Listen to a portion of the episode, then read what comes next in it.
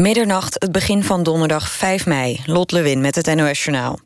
In Wageningen wordt rond deze tijd traditioneel het bevrijdingsvuur ontstoken. De bevrijdingsvlam is door twee Britse veteranen... naar het 5 meiplein in de stad gebracht. Het vuur wordt door meer dan 60 estafettegroepen verspreid door het land. Het wordt onder meer naar de bevrijdingsfestivals gebracht. Het verspreiden van het bevrijdingsvuur staat symbool... voor de bevrijding van heel Nederland. De bevrijdingsvuur-estafette bestaat al sinds 1948... en sindsdien is het een jaar traditie. Het Europees Parlement wil pas stemmen over het visumvrij reizen door Turken als Turkije aan alle voorwaarden heeft voldaan.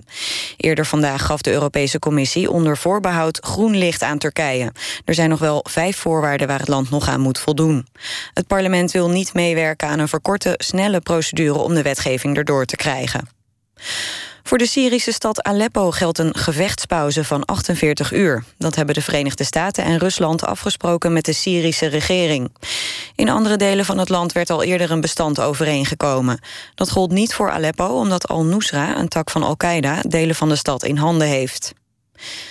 De republikein John Kasich stapt uit de race om het Amerikaans presidentschap. dat betekent dat Donald Trump de presidentskandidaat voor de Republikeinen wordt. Gisteren gooide Trumps belangrijkste tegenstander Ted Cruz al de handdoek in de ring. Trump neemt het straks waarschijnlijk op tegen Hillary Clinton... die bij de Democraten op voorsprong staat. De finale van de Champions League gaat tussen de stadgenoten Atletico Madrid en Real Madrid. Real won vanavond thuis met 1-0 van Manchester City. Atletico plaatste zich gisteren al voor de Champions League finale. Twee jaar geleden speelden Atletico en Real ook al tegen elkaar in de finale. Toen won Real. En dan nog het weer. Vannacht in het hele land helder. Het koelt af tot 4 graden. Morgen, bevrijdingsdag, alleen in het westen nog wat sluierbewolking... en verder veel zon. Het wordt 15 tot 20 graden. Dit was het NOS Journaal. Radio 1. VPRO. Nooit meer slapen.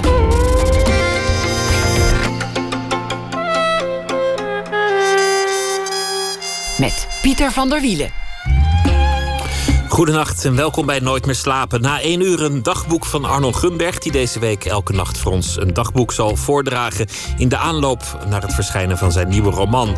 Fotograaf Eddie Postuma de Boer is te gast in de rubriek Open Kaart. Hij heeft een tentoonstelling samengesteld... en we hebben aandacht voor de mensenbiep. Lenus, een mens in plaats van een boek is uh, de opdracht. Dat allemaal na ene. We beginnen met Remco Kampert. Somberman op drift is het uh, nieuwe boek. Een uh, bundeling van verhalen over Somberman en zijn vrouw bezig. Somberman is vooral gelukkig als het allemaal tegenzit. Hoewel dat geluksgevoel hem ook meteen weer ongemak bezorgt. Remco Kampert is geboren in 1929, hoorde al vroeg bij een literaire stroming, namelijk de Vijftigers. Toen was hij voornamelijk dichter. Later schreef hij ook romans, grote klassiekers als Het leven is verrukkelijk, Een liefde in Parijs, Champy of Liesje in Luilekkerland. En sinds de jaren 90 ook columnist bij de Volkskrant. Hij heeft alle grote literaire prijzen mogen ontvangen. De PC Hoofdprijs en vorig jaar de Prijs der Nederlandse Letteren ontvangen uit handen van de Vlaamse of de Belgische koning. Remco Kampert, hartelijk welkom. Dank je. Somberman, een man die niet erg van het leven lijkt te houden. Een man die uh, liefst hoopt dat alles tegen zit. Dat alles, uh, nou ja, lekker somber is. Hoe is die geboren? Nou, dat is al. Nou, dat, ik, ik heb, moest een keer een boekenweekgeschenk schrijven. Dat is bijna 30 jaar geleden, geloof ik. 1985 was dat. Ja, nou. Ja, 30 jaar dus. 31. Maar 31. goed, en toen uh, zonder grappen verder. Uh, dus dat heb ik gedaan. En toen vond ik een figuur uit die Sommerman heette. Maar alle, alle mensen in het boekje hadden een naam. Het uh, was een beetje opschepperige, vrije ondernemer die Bluffkaak heette. En zijn vrouw heette Bezig, vrouw van Sommerman. Hij heeft nu helemaal geen vrouw meer. Die is uit zijn leven verdwenen. En dat was heel anders van stijl dan de sombermannen nu. Het was gewoon een regelrecht verhaal eigenlijk.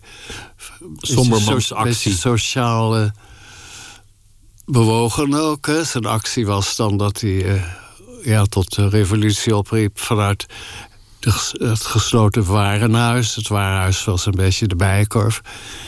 Enfin, het was misère in het land. En, nou ja, oké, er komen allerlei figuren in voor. Dus het was een, ja... Ik heb het net door al de omstandigheden nu... van de verschijning van deze sommerman...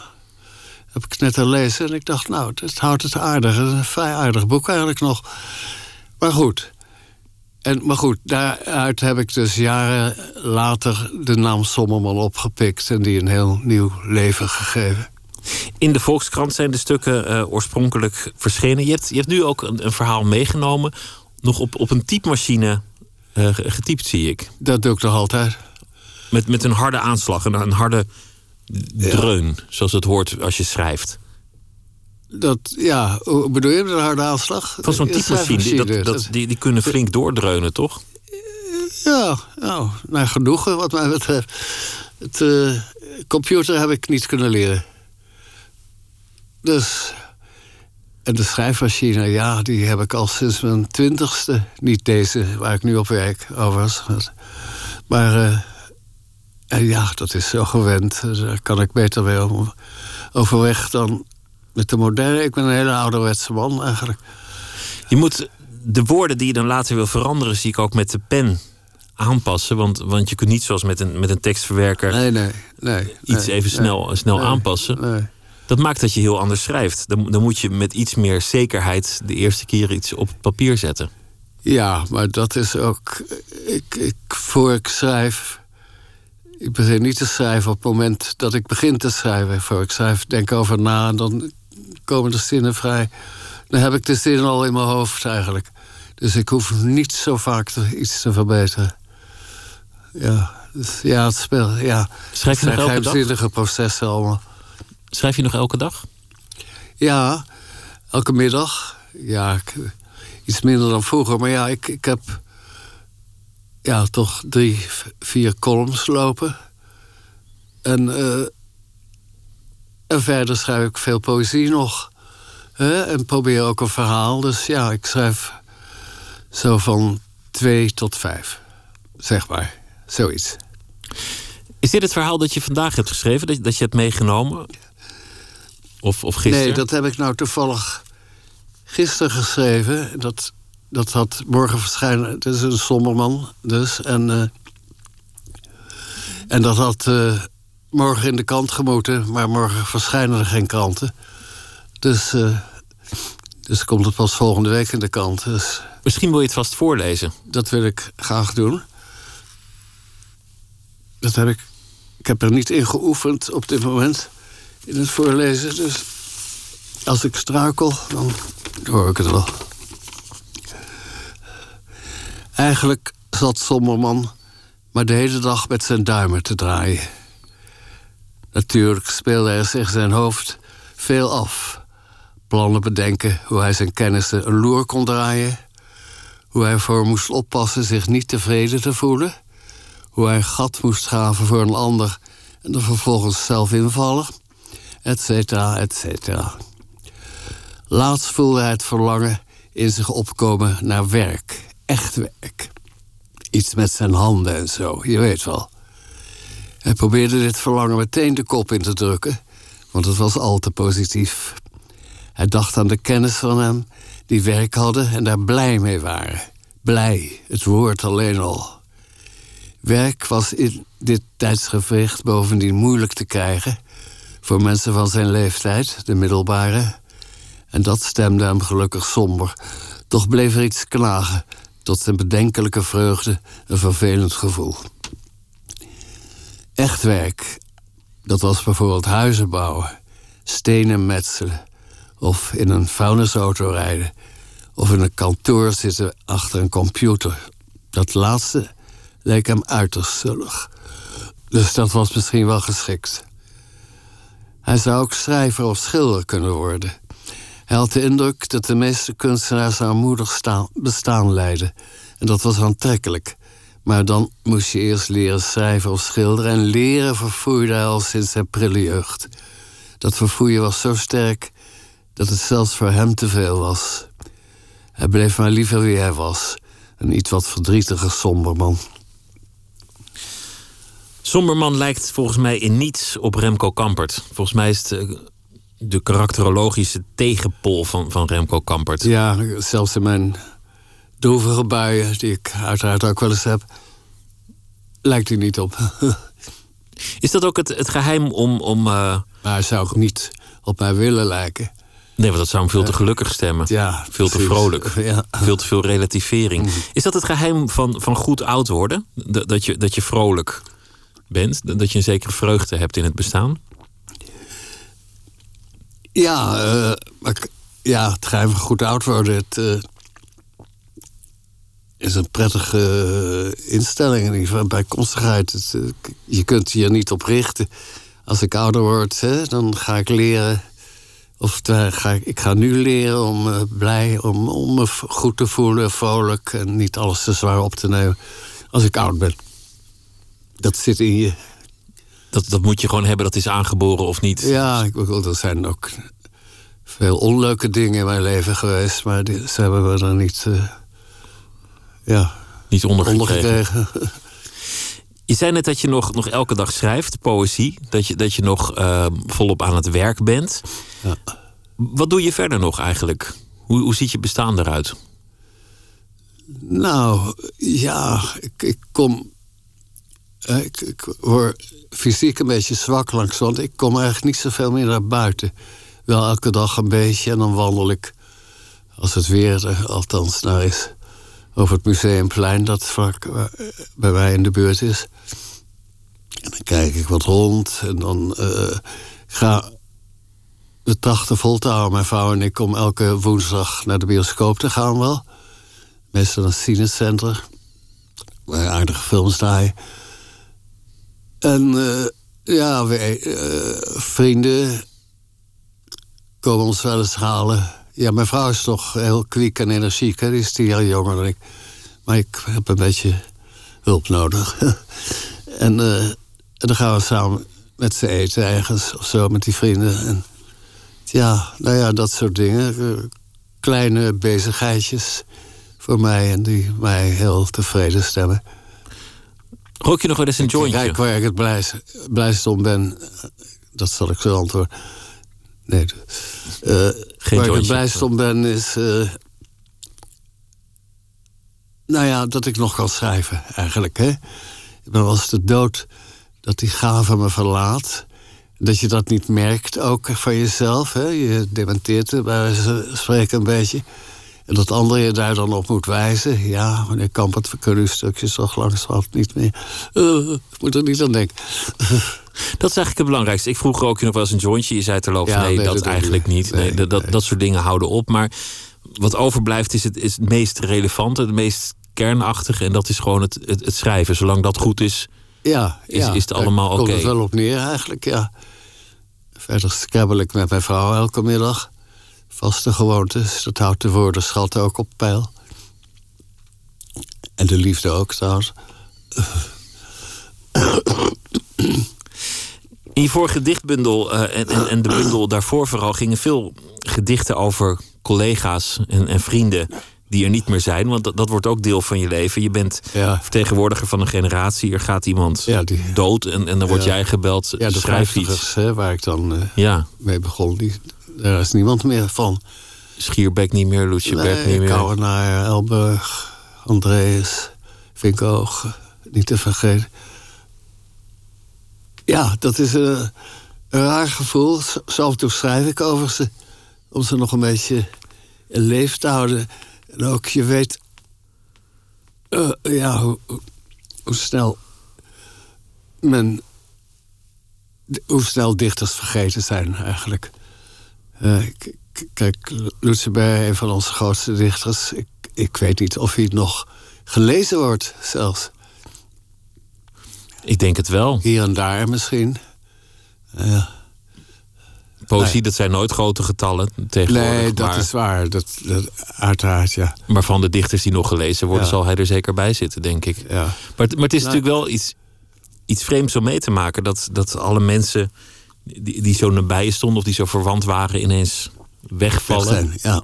En, en dat je overblijft. Dat Is dat, raar, het zit allemaal in mijn hoofd nog. Ik droom zelfs nog wel eens van, van één, één van hen. Ik opeens in ja, in een rare kamer zitten of zo. Nooit in noodsituaties. Altijd een vrij prettige, warme atmosfeer.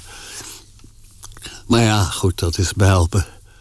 Ja, het is jammer, maar ik heb gelukkig nog wat jonge vrienden... die nog niet aan de dood toe zijn, dus ik red me wel. Is dat een, een melancholie die, die, die langzaam je, in je leven komt? Noodgedwongen, omdat zoveel mensen nou eenmaal zijn verdwenen? Nou, dat, dat, als ik, wat ik net zei, als ik van even en gedroomd heb bijvoorbeeld, wat nog wel eens voorkomt, dan word ik met een lichte weemoed wakker.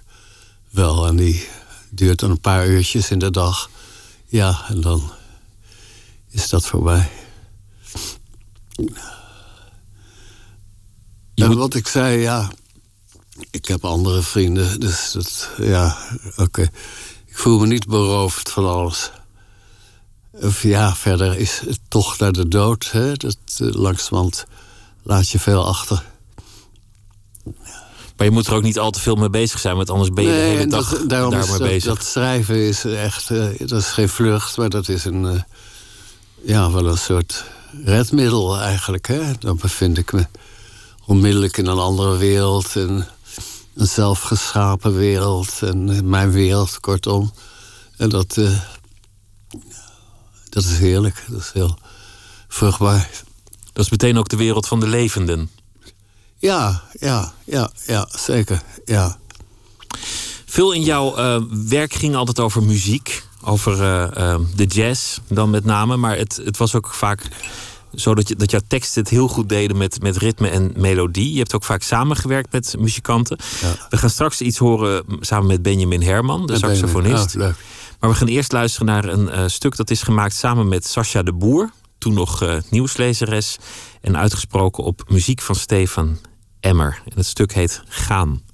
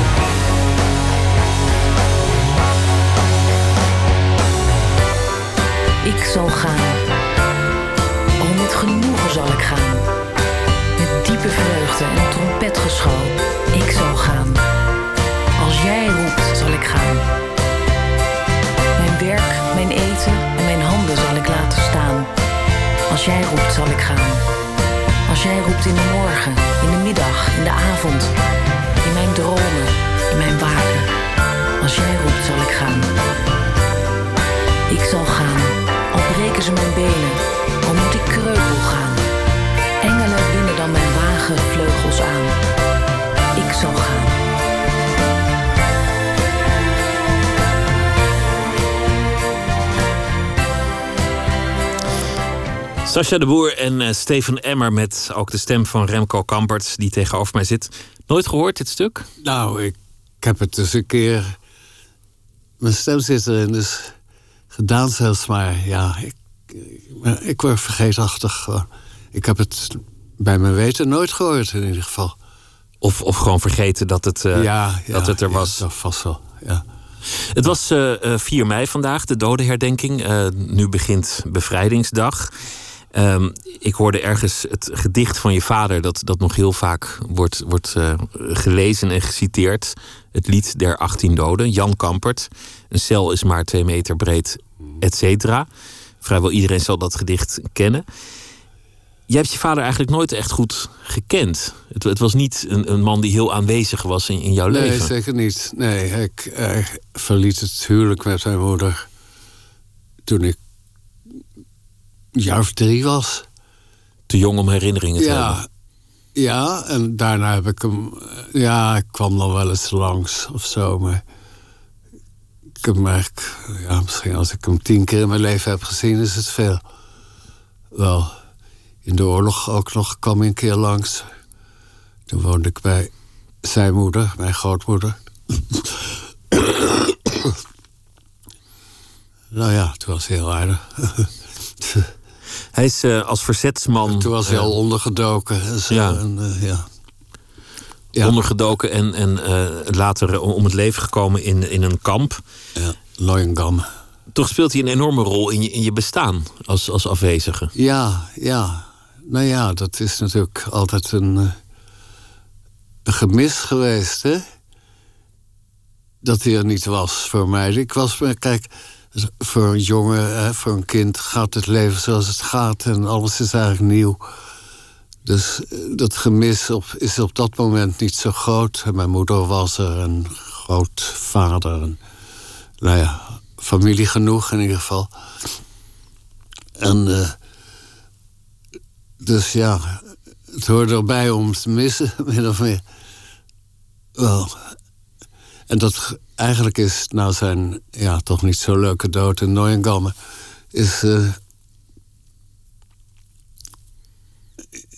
is dat, ja, dat echte missen begonnen. Wel, het, het idee, wat vrees ik zo graag, dat ik hem niet goed gekend heb. Uh, dat hij uit mijn leven ontsnapt is, min of meer. En uh, ja, dan schep je een beetje je eigen vader ook. En ik, ik hem steeds in eer. Hij komt terug in mijn poëzie. Altijd wel. Nou, deze dag. Kijk, ik heb nou niet 4 mei speciaal nodig om doden te herdenken. Hè. Dat gebeurt elke dag wel het hele jaar door, min of meer. Zeker wat mijn vader betreft, waar ik elke dag wel even aan denk. Al was het alleen maar omdat de 18 doden in de gang hangt. En ik het altijd even zie als ik langsloop. Dus heeft dat een, ik weet niet meer wat ik wou zeggen. Heeft dat een rol gespeeld uh, in de keuze om zelf dichter te worden? Ben je gaan dichten omdat die vader dat deed? Nee, nee, nee. Ik, ik,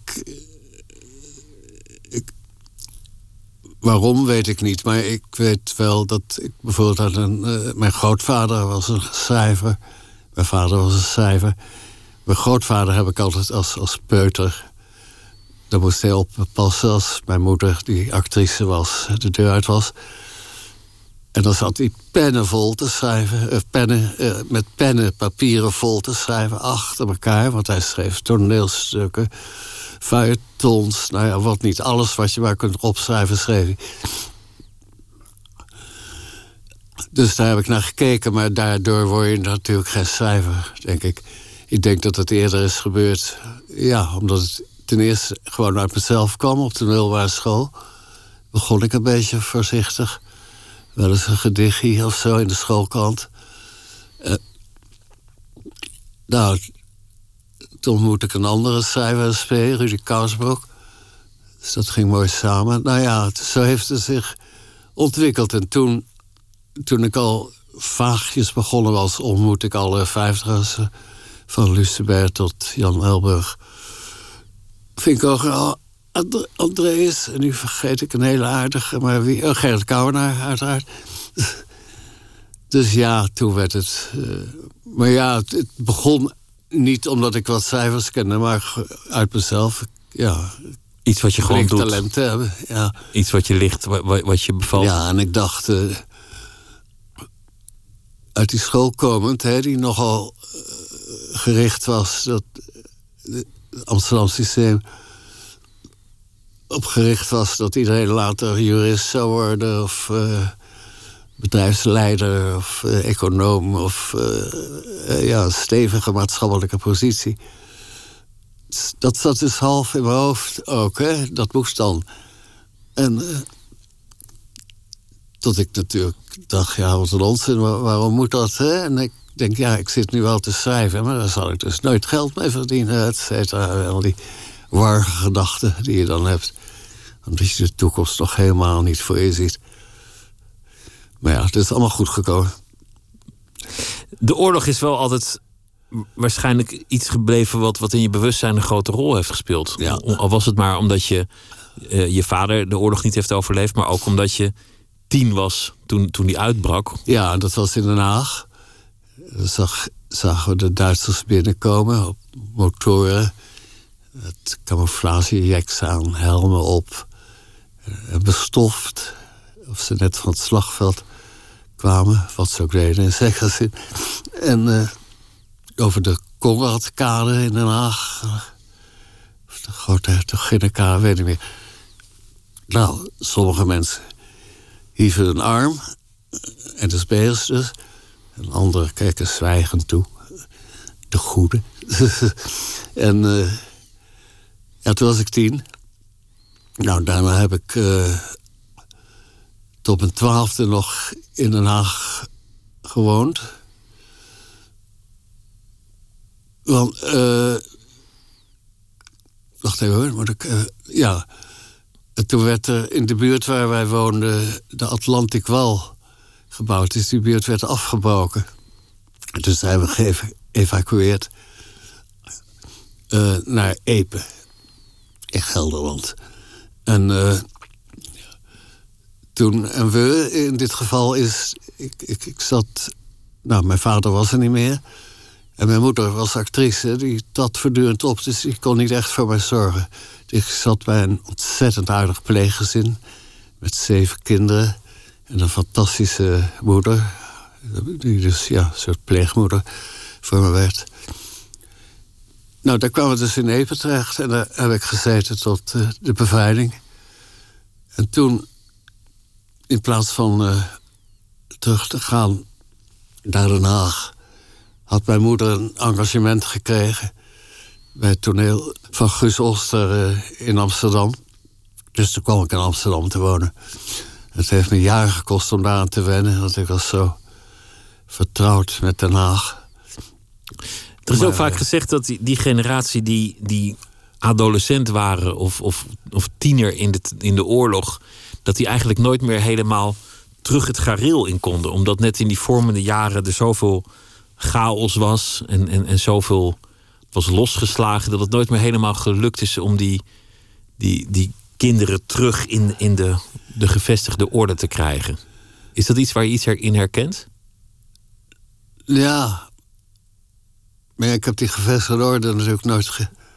Nooit meegemaakt. Hè? Niet op de manier dan... Ja, als, als, als, als kleuter, maar... Als jongetje van negen dan... Maar ja, ik leefde, kijk, ik leefde toch al in een artiestengezin, hè? Dus daar was, dat was überhaupt niet zo... hè? Vader schrijver, moeder actrice... grootvader en toneelspeler. En eh, toen was hij goed een artiestengezin echt. Dus dat was überhaupt al niet zo gevestigde orde bij ons thuis. In de jaren 50, de, de, de, de groep vijftigers, dat, veel wordt nog gelezen. Veel is echt eh, geschiedenis geworden. Deel uitgemaakt van, van de kanon van de, van de Nederlandse letteren. Jullie waren allemaal enorm gericht op Parijs. Ja, Op de een of andere manier. Was, het, was Nederland niet groot genoeg of niet interessant genoeg? Je, je moest, als je iets wilde in het ja leven... de schilders daar naartoe. eh, ook. Hè? Die gingen eerst zeggen appel, konijn. En, ik weet niet of constant. Maar goed, die, die gingen naar Parijs. En wij volgden. Wij kenden die schilders ook allemaal. En de dichters, niet allemaal, overigens, maar ik eigenlijk. Nee, want wacht even. Maar de, eh, ja, Parijs was de kunststad toen. Nu zou je misschien, ik weet niet, waar je nu? New York misschien nu? Of zo? Ik weet het eigenlijk ook Of niet. Berlijn, Berlijn, New York. zoiets. Maar goed, toen ging je, ja, Parijs was een must. Daar ging je naartoe natuurlijk. Ja, Parijs komt ook in veel van je werk terug. Ja, nou ja, ik, ik heb er ook tijd gewoond. En ben er heel vaak geweest ook. En eh, ja, is een eh, fantastische stad. Vond ik nu. Ik was er laatst nog. Vond ik het minder op een of andere manier. Maar misschien had het met die aanslagen te maken. Was dat toen al gebeurd? De laatste keer dat je er was? Mm, ja, dat was net gebeurd, geloof ik. Nee, sorry, ik vergis me. Ik, eh, ik denk nu aan hoe ik denk over Parijs of zo. Nou ja, dat- maar, toen was het toch minder. De stad was op een of andere manier veranderd hè, voor die aanslag. Voor mijn gevoel, hè. Bij mij was het toch, in de tijd dat ik zat met Ruud Kousbroek... was het toch wel een beetje, ja, een beetje armoedige Parijs. Het was ook niet lang na de oorlog. Eh, het staatje waar we een hotelletje in hadden... of het pleintje, eh, Place Contrast Carp... Daar zaten we een heel goedkoop... een dan ook eh, niet erg prettig, maar goed, functioneel hotelkamertje. En om de hoek was de Rue Mouffetard. De Rue Mouffetard is nu ja, een soort toeri- toeristenstaat geworden. elke dag Maar dat was daar. ongeveer de armoedigste buurt van eh, Parijs toen. Eh, Een fles de Algerijnse wijn kocht voor ja, 20 cent of zo. Van de tap, uit de, uit de, uit de ton. Nee, ontzettend leuk achteraf. Maar het was, eh, wij hadden ook heel weinig geld, Ruzie en ik. Dus het was sappelen. Het is een beetje de maar achtergrond van Heerlijk. een, een liefde in Parijs. Een, een man die terugkijkt op, Ja, ja, op zijn ja. jonge jaren in, in, in die stad. En, en de armoede die ze kenden. En de grote plannen die ze hadden. En ook de, de, de rottigheid die ze uithaalden natuurlijk. Volg je de actualiteit nog? Dat, dat zo'n stad nu ehm, ja, echt is opgeschud door, door, die, door die gruwelijkheden van, van november. Is dat iets Jawel, dat je... ja. Dat, nou dat je ja, ik nog raakt en volg, bezighoudt? eh, ik, in zoverre ik het volg dat ik alle kranten van A tot Z lees altijd. En eh, ja, de Franse zender ook wel eens aanzet, maar dat is TV5, dus die geeft dat soort nieuws niet. Maar gewoon om de taal te horen. Nou ja, ik zo goed en kwaad als ik kan volg ik het, ja. Maar dat doe ik met alles. eigenlijk. Je had zelfs nog een gedicht geschreven na de aanslagen in Brussel. Van, Ja, van vorige maand. Ja. Ja. Dus, dus dat, dat, dat Ja. raakt je nog, dat, dat ja, grijpt ik, je ik nog wil, aan. eh, Nou ja, dat geeft mij echt aan. Ik dacht, ja, dan moet je een gedicht schrijven natuurlijk. Ik vind überhaupt... Probeer ik, maar dat moet niet eh, gedwongen worden... wil ik proberen meer gedichten over wat er in de wereld op dit moment gebeurt te schrijven. Hè, niet alleen eh, ja, het eigen ik, wat toch vaak in de poëzie al voorkomt, voorop stellen. Maar dat, dat is met Saventem, dat gedichtje, een beetje gelukt. Het komt nu ook in de Humo. Die Belgen vinden het ook prettig.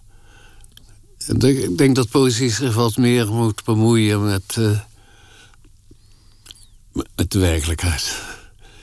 Met de, de, nare kant van de werkelijkheid zelfs. Ik zou me ook kunnen voorstellen dat je, dat je op een zeker punt de neiging krijgt om, om je ogen ervoor te sluiten, om de andere kant op te kijken. Om, om te denken van nou ja, ik heb zoveel meegemaakt. Dit hoef ik er niet meer bij te hebben. maar Laat ja, maar. dat- nee, dat is niet mijn aard. Dat, eh, dat is. Nee, dat. Eh, Bovendien, dat lukt je niet. Je ogen sluiten en de andere kant uitkijken. Ja, je moet toch je ogen weer open doen ook. Nou ja, je zou de en, krant en weer kunnen de laten andere liggen. kant uitkijken. maar nou, mij zou dat niet lukken in ieder geval. Dan zou ik iets, eh, iets, iets, iets smoren in mezelf. Dat gevoel zou ik hebben. Nieuwsgierigheid of, of een gevoel van betrokkenheid. Ja, ja, bijvoorbeeld. Ja. En ook misschien als schrijver en dichter, want, want je wil Ja. juist er, er- erbij zijn. Ja, ja, je moet openstaan voor alles als, als schrijver. Ja, ik kan me een soort gerichtheid voorstellen die alles afsluit weer hoor. Maar het is meer terwijl je schrijft eigenlijk. Maar niet als je niet schrijft. Dan, ja, het moet allemaal binnenkomen. En dan moet je kiezen wat je ervan kunt gebruiken. God, heb ik trek de sigaret, maar dat mag niet. Ha, ja, streng zijn ze hier. Er hangen hier overal van die, uh, ja, ja, nee, van die, van die nee, sproeiers en zo. dat, dat wordt, eh, vroeger, vroeger rookte iedereen op de radio en op tv. In dat boek eh, Een Liefde in Parijs, wat, wat ook alweer eh, tien jaar geleden is, dan, dan blik je terug op die tijd die, die je net eh, beschrijft. Althans, dat dient als achtergrond voor een romanpersonage. Ja, ook in de, in de buurt van de, van de Rue Mouffetard. Dan gaat het ook over, over schrijvers die, die, eh, ja, die zich overgeven aan de drank, aan, aan de liefde, aan de vrouwen die onrustig en rumoerig leven. Hoe kijk je zelf terug op je bestaan? Wacht even, over waar, welke tijd had je het nu? Nou ja, de, de, de tijd waarin je. Nee, maar waar haal je dat vandaan, bedoel ik? Over dat... In, een Liefde in Parijs, de- Oh. de boek uit Oh, 2004. Liefde in Parijs. Sorry. Vond, vond ik een mooie Ik roman. helemaal top en door. Daar- daarin eh, gaat het over een schrijver die, die, die net, net als jij ooit in Parijs woonde. Maar het gaat ook over een schrijver die terugkijkt op een leven vol drank, romances, vrolijkheid, feest. eh, die, die echt het, het schrijversleven Ja. ten volle heeft geleefd. Ja, Wa- Wanneer heb je daar afscheid van genomen? nou... Ja. Als je merkt dat het eigenlijk... Ja, kijk, zo leef je niet natuurlijk in de gedachte dat het iets zal opleveren. Maar op een gegeven moment merk je wel dat het, dat het, eh, dat het te belangrijk wordt voor je om zo te leven. Of, of zo dat het te veel tijd gaat kosten. Dat het ook eigenlijk, ja, al die liefdes, hè, houdt u maar bij één. Ik ben drie keer getrouwd geweest en nog wat andere liefdes gekend. En het is allemaal, dat was heel leuk allemaal, maar ook allemaal heel tijdrovend. Eh, je, eigenlijk ga je een beetje egocentrisch natuurlijk steeds meer voor het schrijven zelf kiezen. En alle franje eromheen. Maar afknippen. Is dat, is dat dan dat je het wel gezien hebt? Dat je denkt, nou ja, ach, laat maar. Nou, het, is heeft wel goed. natuurlijk ook. eh, waarschijnlijk zijn er een paar erotische interesses die wat minder worden als je ouder wordt ook. Gewoon lichamelijk. Dat zal er ook, ja, daar zal het ook wel mee te maken worden. In het begin is dat nu ook, eh, ja, is dat, eh, als je jong bent, is dat toch een flink deel van je leven. En dat,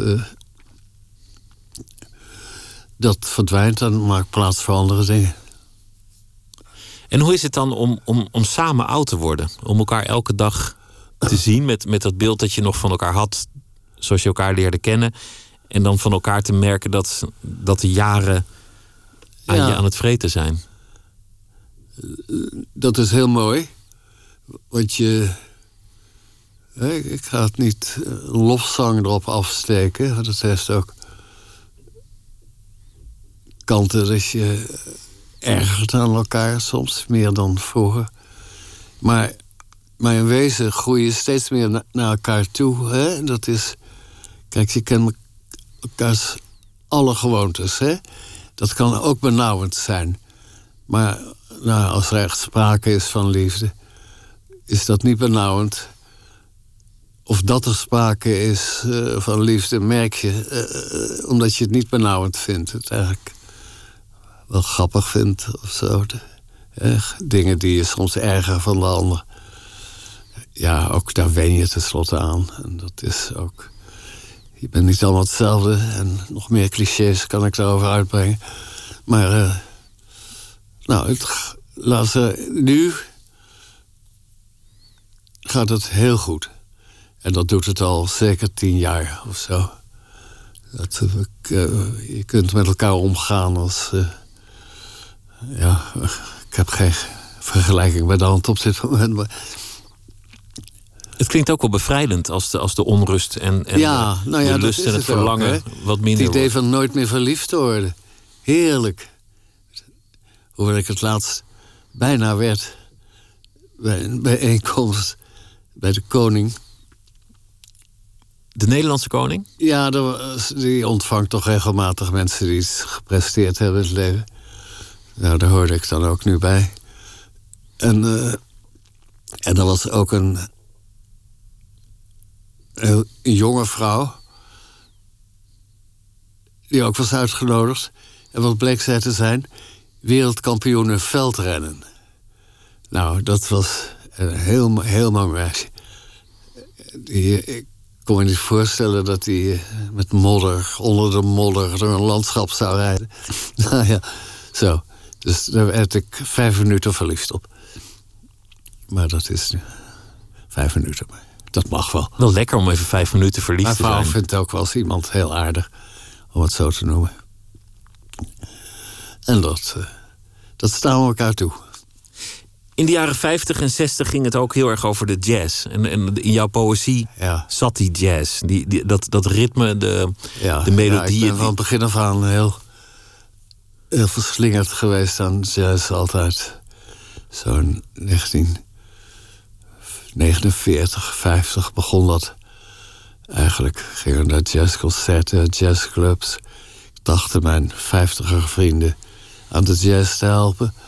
Maar dat lukte niet, behalve met Lucci Die heeft veel... Die had ook veel platen en die heeft veel schilderijen van... Jazz, saxofonist, et cetera, gemaakt. Dus dat viel in goede aarde bij dat is, dat is voor mij jaloersmakend, alle, alle grote namen die jij waarschijnlijk hebt gezien. Want nou, toen ik jazz ging luisteren, waren de meeste dood. Ja, nou ja, Sonny Rollins en zo. De, ja, die heb ik ook wel gezien. Het, maar het, ja, daarom, dat is in het concertgebouw allemaal, hè? Ja, ik weet ze niet allemaal meer. Chet Baker natuurlijk. Hè? Dat, dat was Chet Baker, dat was in 1955 geloof ik in het concertgebouw. Ja, dat was een fantastisch concert. Die jongen, dat verraste zo. ja, een beetje GI-achtige jongen die daar stond. De mooie jongen met de zachte stem. Hele mooie jongen, die mooi speelde. Die heel mooi zong en prachtig trompet speelde. Dat iedereen was verliefd op hem. Iedereen wankelde het concertgebouw uit. Luister je nu nog? En ik heb verder nog Mingus gehoord. Hè? Eric Dolphy, ook een concertgebouw. En, ja, minder wel, hè. Minder. Ik, ik, luister minder naar muziek, gewoon überhaupt. Meer stilte. Maar ik luister nog regelmatig. Ik beloof Vroeger had je de EFN, American Forces Network, zo in de eind van de oorlog. En dat was een fantastische zender die alle goede jazz draaide. Oké, okay, Willis Conover heette die man. Herinner ik me. Sorry, ik viel je in de reden. Nou, ik zei dat, we, dat ik net al had aangekondigd dat we zouden luisteren naar iets dat je hebt gemaakt samen met Benjamin Herman, met wie je nog, nog wel eens optreedt. Saxofonist. Hij heeft een album gemaakt, Kampert. En heeft hij muzikale interpretaties gemaakt van jouw stukken. En we gaan luisteren naar één stuk waar, waar je ook zelf te horen bent. Lamento.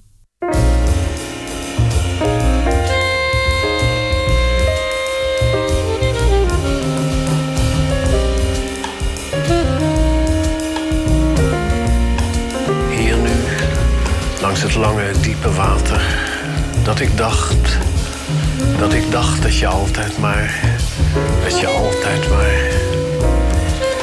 Hier nu, langs het lange, diepe water waar achter oeverriet, achter oeverriet de zon. Dat ik dacht dat je altijd maar, altijd, dat altijd maar je ogen, je ogen en de lucht. Altijd maar je ogen en de lucht, altijd maar rimpelend, in het water rimpelend. Dat altijd in de levende stilte, dat ik altijd zou leven in levende stilte. Dat jij altijd maar, dat wuivend oeverriet altijd maar, langs het lange diepe water. Dat altijd maar je huid, dat altijd maar in de middag je huid. Altijd maar in de zomer, in de middag je huid.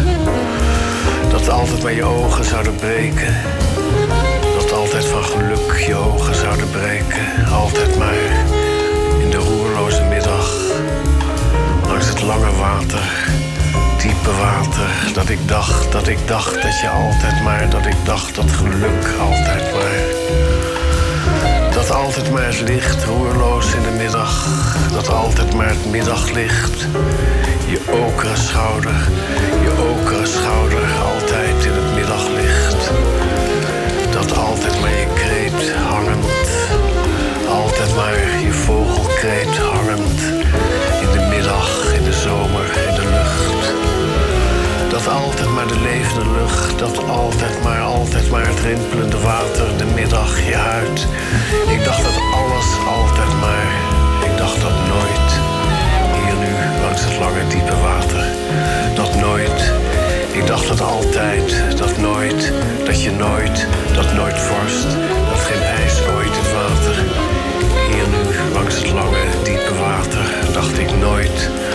Dat sneeuw ooit de cypres, dacht ik nooit. Dat sneeuw nooit de cypres, dat je nooit meer.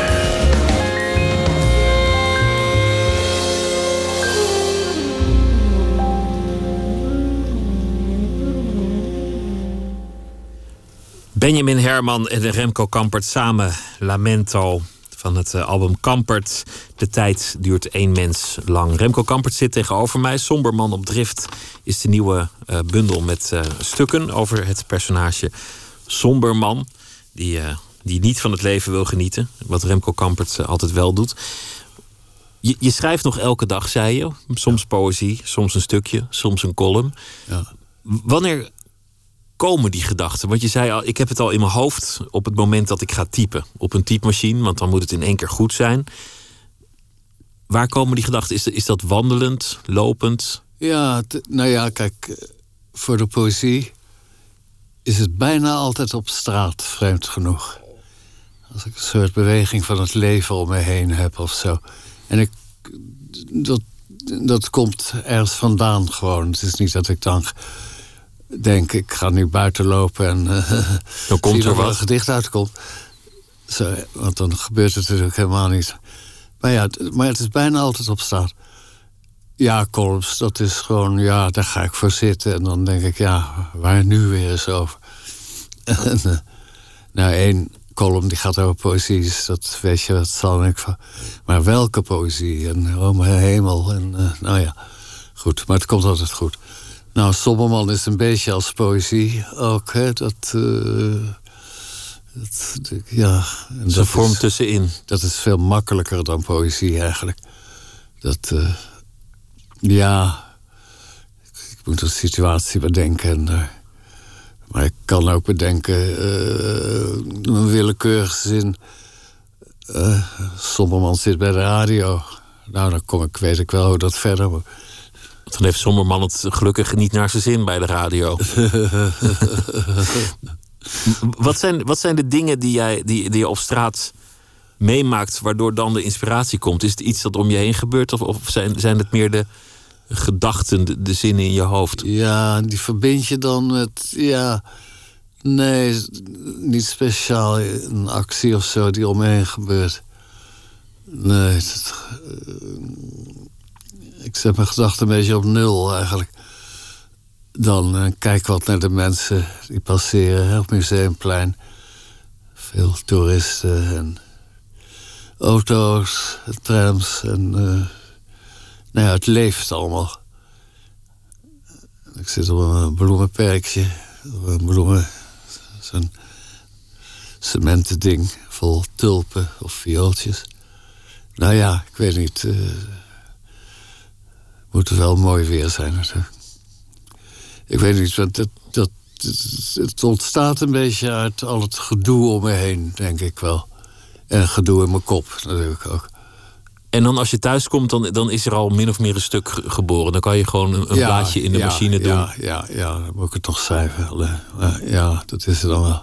Maar dat geldt voor eh, niet alleen een stuk, dat geldt voor de poëzie ook. Wel, het geldt meer voor de poëzie eigenlijk. Poëzie is eigenlijk geen werk, hè? Eh, eh, zo'n column, zo'n column schrijven is wel werk. Dus daar hoef ik buiten niet over na te denken. Dat moet ik achter mijn schrijfmachine gaan zitten. En het gewoon doen. Zoals je werk moet doen. Eh, poëzie is vrijheid. Dat is werkeloos. Je zei net dat je, dat je Sombermans actie, het Boekenweekgeschenk uit 1985, bij verschijning van deze bundel had teruggelezen. Dat, Ja. dat, je, dat je het nog eens ter hand had gepakt. Kijk je wel eens terug op je eigen werk?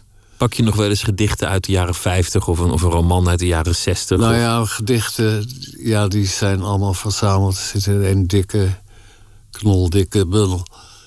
En daar lees ik wel eens in. Ja, ja. Kijk, en proza niet. Nee, dat is alleen... Ja, als het voor een interview of ik weet niet, als het voor iets nodig is. Maar ik, ik heb al... Nee, ik, ik herlees niet eigenlijk. Zijn, zijn er dingen in je oeuvre waar je dan zelf door verrast bent? Als je nu terugkijkt. Omdat sommige dingen al zo lang geleden zijn. Dat, dat als je iets van 60 jaar geleden terugleest, dat, dat het jezelf verrast Ja, of verbaast. maar Kijk, poëzie vind ik vrij snel goed. Ik ga mezelf niet een waanzinnig goede dichter noemen, maar ik denk, ja, dat is in orde, dat, dat klopt. In, het begin denk ik, ja, dat is een beetje knullig nog, op wankele voetjes. Maar eh, verder valt het mee. Ja, wat proza betreft, eh, zoals je zei, dat, dat herlees ik zelden eigenlijk. Maar, ik, eh, maar toch wel een beetje, ik moet niet helemaal jokken. Soms moet het gewoon even om iets op te zoeken of zo. En dan valt me dat behoorlijk mee, ja. Wel, ik, vind eigenlijk eh eerste verhaal... waar staat een alle dagen feest, geloof ik. Boekje korte verhalen waren dat nog. Nou, die zijn, vind ik nu... ja, toch wel vrij aardig geschreven. Ik heb ze vorige week herlezen en eh, het, is nog hartstikke leuk. Nou, het is nog levendig, het is nog, lucht me op. het is nog vrolijk. Het, het, Ja. er, er, is, er is niks, De toon was er vrij snel. Hè? Ja, niks gedateerd aan. Het, het is nog hartstikke levend. nou, Ik lees dat met plezier. Zijn, zijn er nog dingen die je heel graag wilt? Is er, is er nog een plan? Want je zei, zolang ik kan schrijven, vind ik het goed. Zolang ik kan wandelen, Ja. naar de film kan. Nou, ja. Nee, eh, ik hoop dat het gewoon voortgaat zoals het nu gaat. Een echt plan. Ja, ik zou nog graag een roman willen schrijven, maar ik ben niet zo. g- Ik zie er ook een beetje tegenop. Ik weet niet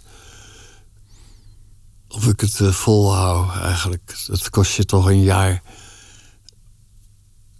In mijn geval, ik schrijf geen dikke romans zoals tegenwoordig gebeurt. Hè, waar, waar 500 pagina's wel het minimum is. Nou, dat zijn voor mij bijna drie romans. ik begrijp niet hoe de heren dat voor elkaar... en de dames, niet te vergeten, dat voor elkaar krijgen.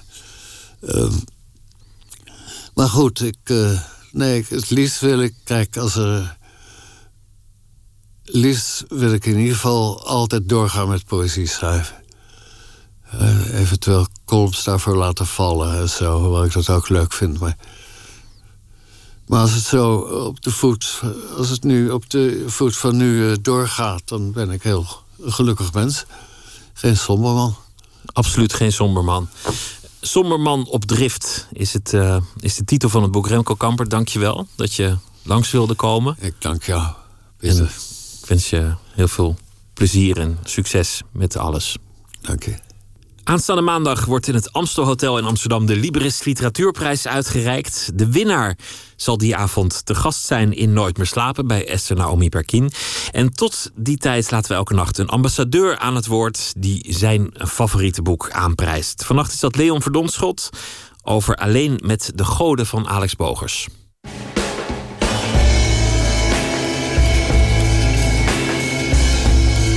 Eh, dit boek, Alleen met de Goden, eh, van Alex Bogers, gaat over een, eh, een jonge jongen. In het begin van het boek is hij 11. Aaron heet hij. En hij krijgt van zijn moeder te horen dat hij voor een dubbeltje is geboren. En eigenlijk gaat het hele boek over de vraag of Aaron desondanks een kwartje kan worden. Wat ik zo mooi in het boek vind is dat... Ik heb het ook heel snel uitgelezen, terwijl het heel dik is. ehm, dat die Aaron je gewoon aan het hart gaat. Je gaat gewoon om die jongen geven. En dat vind ik knap het is voor mij eh, al heel snel was het een, een jongen van vlees en bloed. En dat, daar is Alex heel goed in geslaagd, vind ik.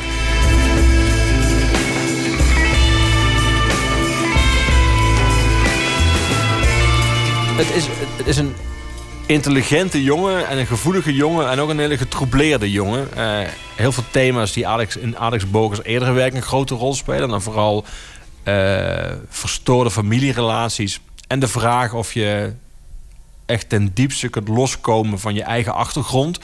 Die, die spelen een grote rol ook in deze roman. Um, en het zit hem heel erg in uh, in ontroerende details. Bijvoorbeeld die jongen op een gegeven moment, die Aaron, die neemt een uh, hond. En dat is dan ook een pitbull. Dat is dan ook geen toeval. Dat is ook net het hondenras wat het slechtste imago heeft. Het hondenras waarvan ook beweerd wordt dat ze nooit ten diepste kunnen loskomen van hun eigen achtergrond. Wat natuurlijk voor de jongen ook geldt. En die noemt hij dan Otis, omdat die hond hem doet denken aan de stem van Otis Redding. Die ook een heel getroubleerd leven heeft en tegelijk heel mooi zingt. Dus de jongen zien een soort schoonheid eigenlijk een schoonheid in de lelijkheid van die hond. En er zit hem heel erg in dat soort details. Bijvoorbeeld als hij gaat eten, gaat hij naar een, uh, een soort snackbar slash Chinees...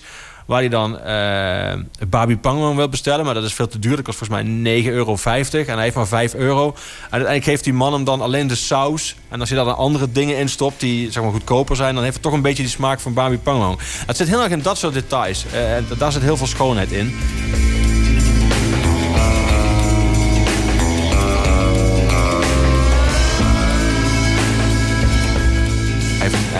heel herkenbare stijl. Hij heeft ook thema's die altijd terugkomen. Ehm, je zou dan kunnen zeggen dat hij zichzelf verhaalt, maar dan doe je hem echt te kort, vind ik. Want hij weet die thema's altijd op een andere manier te benaderen.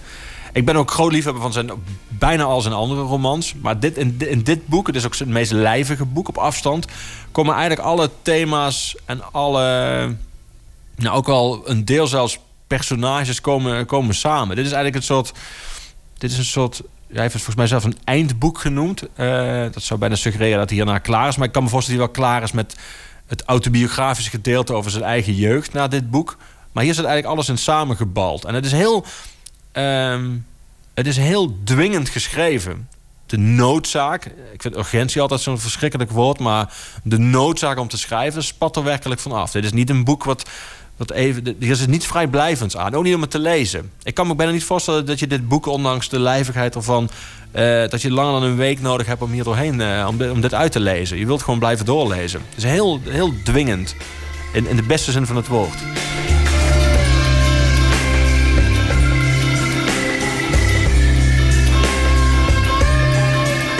In een rechtvaardige wereld zou Alex Boger zonder meer deze prijs winnen.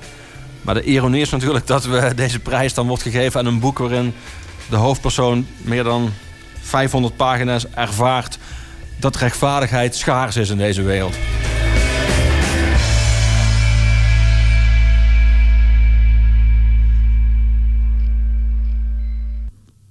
Leo Verdonschot over Alleen met de Goden van Alex Bogers. Een bijdrage van Inge ter Schuren. Maandagnacht zal uh, de winnaar te gast zijn in Nooit meer slapen bij Esther Naomi Perkin. Een bijdrage nogmaals van Inge ter Schuren. En zometeen gaan we verder met Nooit meer slapen. Ik zeg nog even dat u ons kunt uh, horen op de podcast. Kunt u zich abonneren via de website van de VPRO. vpro.nl slash nooit meer slapen. Of via iTunes. Twitter, het VPRO NMS. En u kunt ons ook liken op Facebook.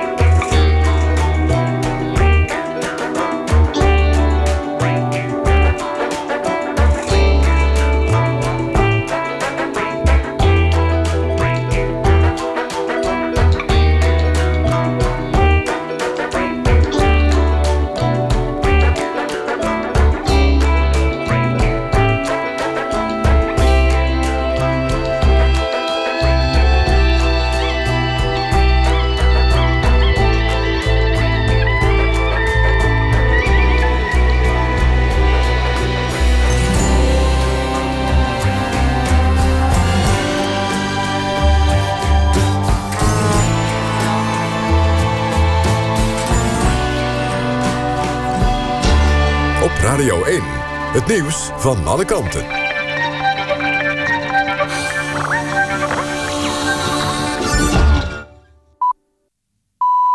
1 uur Lot Lewin met het NOS Journaal. In Wageningen is vannacht traditioneel het bevrijdingsvuur ontstoken. De bevrijdingsvlam is door twee Britse veteranen... naar het 5 meiplein in de stad gebracht. Het vuur wordt door meer dan 60 estafettegroepen verspreid door het land... onder meer naar de bevrijdingsfestivals. Het verspreiden van het vuur bestaat symbool voor de bevrijding van heel Nederland. De bevrijdingsvuur-estafette bestaat al sinds 1948... en is sindsdien een jaarlijkse traditie.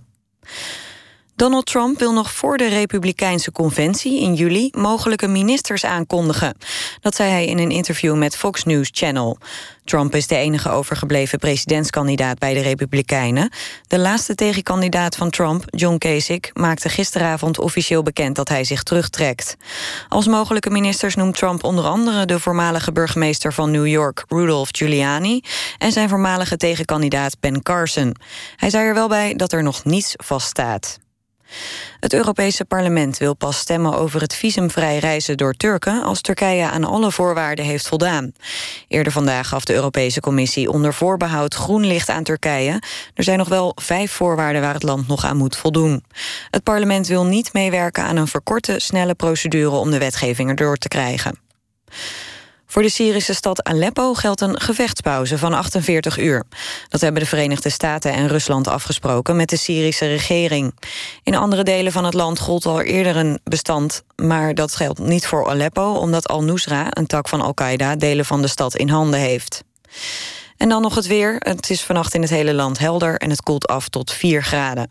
Morgen, bevrijdingsdag, alleen in het westen nog wat sluierbewolking en verder veel zon. Het wordt 15 tot 20 graden. En ook daarna volop zon en in het weekend temperaturen rond de 25 graden. Dit was het NOS Journaal. NPO Radio 1. VPRO. Nooit meer slapen.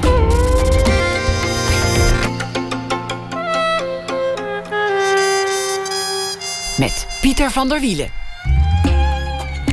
Zometeen komt fotograaf Eddie Postuma de Boer langs. Hij heeft een tentoonstelling in het Fotomuseum samengesteld. En we gaan het hebben over de levende bibliotheek, de Mensenbiep, waar je in plaats van een boek een mens kunt lenen. Ook al is het maar voor een half uur. En het doel is om mensen tot elkaar te brengen. Maar we beginnen met Arnon Grunberg, die deze week voor ons een dagboek bijhoudt en dat elke nacht zal voordragen. En dat allemaal in de week waarin zijn nieuwe roman verschijnt, Moedervlekken. Goedenacht, Arnon. Goedenacht, Pieter. Hoe was de dag? Um, de dag was vandaag een redelijk drukke dag. Een aantal interviews. En daarna heb ik in het Lloyd Hotel even iets verteld over het boek van mijn moeder vanwege 4 mei. En zij heeft ooit um, gevangen gezeten, kan je zeggen, in het Lloyd Hotel. Wat nu een hotel was en toen nog een opvangcentrum was voor um, met name uh, Joodse vluchtelingen uit, ja, uit Duitsland. Een hele toepasselijke plek om daar iets over te vertellen, ja. kortom. Ja. Ik ben benieuwd naar het uh, dagboek dat je vandaag hebt Ja. uh, bijgehouden. Ik ga het even voorlezen. Ga je gang. Onvermijdelijk komt het moment dat de geïnterviewde zichzelf gaat herhalen. Al was het maar met bepaalde vragen zich herhalen. Op hoeveel verschillende manieren kun je één en hetzelfde onderwerp benaderen? Dinsdag had ik drie interviews. Vroeger plannen de uitgever nog wel eens vijf interviews op één dag. Maar de arbeider, de schrijver, kan tegenwoordig op mededogen rekenen. Ongetwijfeld voortkomend uit het inzicht dat het interview nog wel enigszins spontaan moet lijken. Het eerste interview dinsdagochtend was verder het beste. Een jonge man aan het eind van de middag, uiterst sympathiek daar niet van, wiegde mij door zijn stemgeluid en de lange pauzes die hij liet vallen bijna in slaap. Misschien was ik gewoon moe van de eerdere interviews. Ik mocht of moest, wat vrijwillig lijkt, verwoord al snel tot een verplichting, niet alleen over mijn eigen boek vertellen, maar ik, maar ik had voor een ochtendblad ook een lijstje samengesteld met de beste moeders uit de populaire en minder populaire cultuur. Bijvoorbeeld de moeder uit Mama Roma van Pasolini, gespeeld door Anna Magnani, een film die mij in tranen deed uitbarsten. Of de moeder uit Amtsiel van Thomas Bernhard, een stuk waar moeder en dochter een toneelschrijver uitnodigen naar een buitenhuis in Katwijk.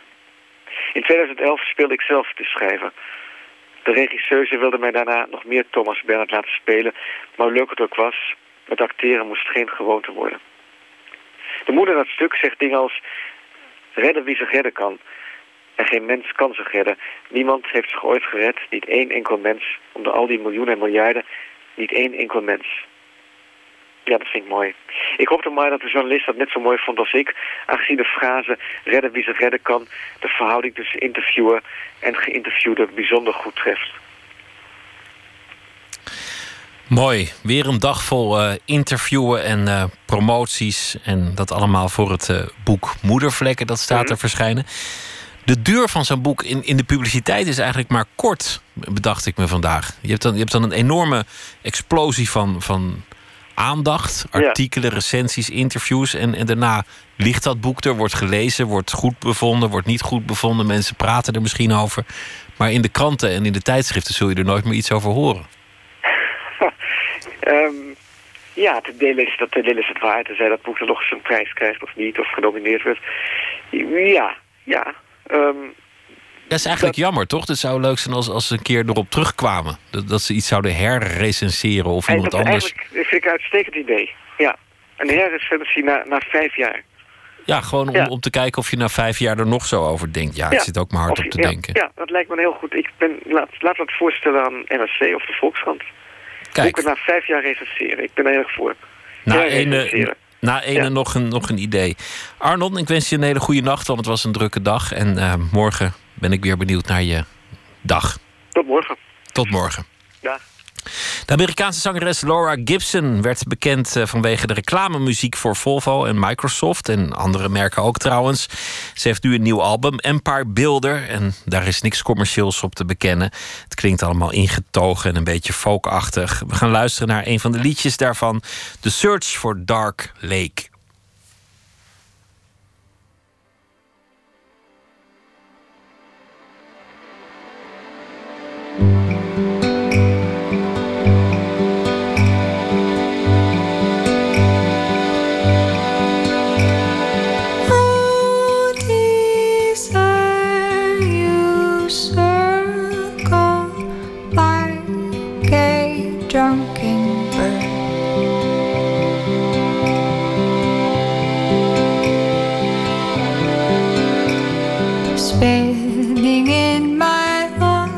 Just like a song, just like a song begun unheard. Oh,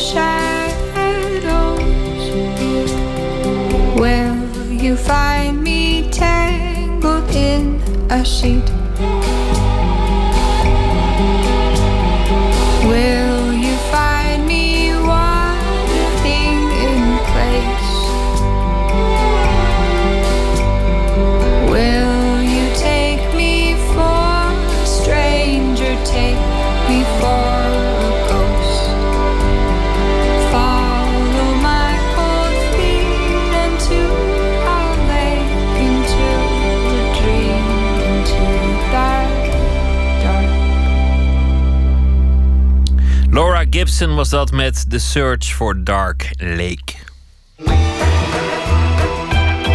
Nooit meer slapen. Een bibliotheek waar je in plaats van een boek een mens kunt lenen. De Mensenbiep die reist door het hele land. En het doel is om mensen in gesprek te laten gaan met dan een eh, levend boek. Ook wel bekend als een mens. En de bedoeling is om ze nader tot elkaar te brengen. En vooroordelen uit de weg te ruimen over handicaps, religie, etnische achtergrond. En waar je ook maar een vooroordeel over kunt hebben. Verslaggever Jan-Paul de Bond die ging erop af. En die was bij de Mensenbiep te Amsterdam. Hallo. Eh, mag ik van u een immigrantenboek eh, lezen? Het immigrantenboek lezen, ja. Het gaat zo, we worden lid Ja. eh, van de Mensenbiep. Eh, er gaat straks een van de dames gaat u begeleiden met het boek. Heel goed. Bent u de eerste die het boek Immigrant eh, kan lezen? Bij de hoofdingang van de openbare bibliotheek staan twee tafels. Als een geïmproviseerde uitleenbalie. Voorbijgangers kijken wat verwonderd naar twee grote whiteboards met de titels in en uit. Verspreid over de twee borden hangen kaartjes met alle onderwerpen waarover je een levend boek kan lenen. Vluchteling, borstkanker, bicultureel, homo, rolstoel, Hallo. Hallo. Ben jij Anja? Ik ben Geri. Eh, Geri. Eh, Anja die eh, verwacht mij... eh, Je bent een boek. ik ben een wandelend boek. Welk boek ben je als ik vragen mag? Ik ben een autist. Autist. Asperger. Asperger, autist. Er was iemand die wacht op Asperger. Dankjewel. Dit is Henk. Een levend boek over Asperger. Henk is vandaag voor het eerst een levend boek, dus het is nog een beetje onwennig allemaal. Voor de meeste lezers trouwens ook, hoewel sommigen redelijk bewust op hun doel afgaan. Waarom gaat u met een immigrant praten? Nou, eh, dat is iemand uit een wereld eh, die ik niet ken, denk ik. Dus eh, altijd leuk om daar eh, kennis van te nemen. Misschien ook heel leerzaam. Wordt het echt de eerste immigrant waarmee u gaat praten? Nee, niet helemaal. Maar ehm een mensenbiep is toch weer wat anders. Want dan ga je echt serieus, direct... zonder dat je allerhande thee- en koffiepraatjes doet... ga je direct tot de kern van wie ben je en waar loop je tegenaan. En omgekeerd, waar loop ik tegenaan? Wat zijn mijn vooroordelen enzovoort. Wanneer boek en lezer elkaar hebben gevonden, zoeken ze samen een rustig plekje op. Een half uur mag het gesprek maximaal duren. Na dat half uur gaat er genadeloos een kookwekker af. Nou, zou ik misschien even eerst voorstellen. Ik ben Ja. eh, Henk Vervugt. Ik woon in Apeldoorn. Ja. Ik ben eh, 52 jaar. Ik ben getrouwd. Ja. En ik heb autisme. Ik heb het syndroom van Asperger. En Henk is inmiddels gekoppeld aan Marjolein. Marjolein is creatief therapeut en eigenlijk komt ze vandaag speciaal om iets te leren over het syndroom van Asperger. Ze heeft namelijk een man leren kennen met Asperger. Uit elkaar. Maar ja, Maar een paar keer per jaar hoe ga je daarmee om? Leuke dingen doen. En ja, en nog zo, ja, ik ga even nog wat dingen vragen. Maar bijvoorbeeld zoiets als mensen missen. Dat je als je weg bent, eh, mis jij mensen. Nee. Want ik heb, eh, mijn vrouw heeft een aantal keer in het ziekenhuis gelegen. Ja, ik heb er eigenlijk heel weinig moeite mee om thuis dan eh, zeg maar het huishouden de draaiende te houden. En gewoon alleen zonder hulp van mijn eh, echtgenoot eh, thuis te zijn. Ja. Dus je, mis, je hebt geen gevoel van gemis. Nee. En geldt het ook voor je kinderen? Als je je kinderen een tijdje niet ziet of zo, dan mis Ja. je ze niet. Ja, klopt. En ken je überhaupt het gevoel van gemis? Ik zal het wel kennen, denk ik, maar het, eh, omdat ik zeg maar emoties heel slecht kan, eh, kan reguleren, Ja. zit dat bij mij ergens heel diep in de achtergrond. Ik heb ook zeg maar in vrij korte tijd binnen, binnen drie jaar. Het idee voor de Mensenbiep komt uit Denemarken. Na een geval van zinloos geweld in 2000 begon men op het Roskilde Festival een bibliotheek met levende boeken. Lange tijd bleef het een festivalding, maar tegenwoordig zijn er wereldwijd mensenbieps. In bibliotheken, musea, op congressen, op scholen. Drijvende kracht in Nederland is Herman Jan Rijks. Hij noemt zichzelf maatschappelijke ondernemer en wereldverbeteraar. Kan iedereen een levend boek zijn? Of moet je daar iets voor kunnen? Selecteren jullie ergens op? Wij zeggen welke onderwerpen vinden wij belangrijk.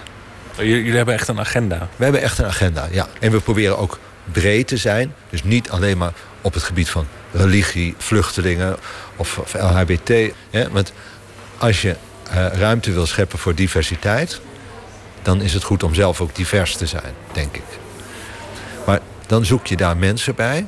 Iemand moet niet alleen zichzelf willen etaleren. Niet iemand die bekeringsbedoelingen heeft of reclame voor zijn eigen bedrijf. Er zijn genoeg mensen die zich aanmelden. Nou, ik ben wel een goed levend boek. Ik wil wel iets over vertellen over dit of over dat. Datgene wat ik heb meegemaakt of, uh, of over mijn ideeën. Of, uh, nou ja, over mijn beroep en uh, over mijn boek. Dat is niet waar de mensen om gaat. Hé, hey, nou hartstikke leuk. Dank je wel voor ja, dit jij ook, gesprek. jij ook bedankt voor het gesprek. Ik vond het heel leuk om te doen. Is er veel als mensen je aanraken trouwens? Nee, nee, nee. Dat, dat, is trouwens ook... Ja, ja, de, kan, de, heel veel autisten vinden dat niet, ja, niet fijn. Hè? Klopt. Je aangeraakt wordt. Ja. Ja. Mag ik even inbreken? Want je vertelt, je hebt iemand leren kennen uh, die ook autistisch is. Ja. Um, de vragen die je nu aan Henk hebt gesteld... had je ook gewoon rechtstreeks aan hem kunnen stellen. Ja, dat heb je helemaal gelijk in. En ik vraag ook wel eens uh, af en toe wat aan hem. Maar er zit bij deze persoon ook toch wel een soort van taboe-achtig iets. Van dat hij eigenlijk het als een soort geheim aan mij heeft verteld bijna. Dus de, de keer dat ik er wat op door ging vragen... had hij bijna zoiets van... Nou, ik wou dat eigenlijk dat ik het je nooit had verteld. Want nu, nu zie je mij de hele tijd als iemand met een, met een diagnose of zo. Snap je? Henk, jij doet dit voor het eerst vandaag. Sterker nog, dit is het allereerste gesprek wat je in dit, in dit kader voert. Ik vind het heel knap. Ik zou het vroeger ook niet gedurfd hebben.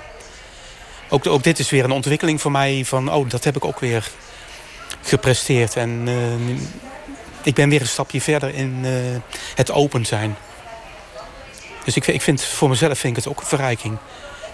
Maar je hebt, je hebt van tevoren geen idee wie er tegenover je komt zitten. Nee, nee. Heb je ergens een soort angst gehad van, oh, als er maar niet... Ja, toen ik net in de trein hierheen zat, dan had ik het idee van... oh jee, waar ben ik aan begonnen? Maar dat, dat is gewoon denk ik een uh, gezonde dosis stress.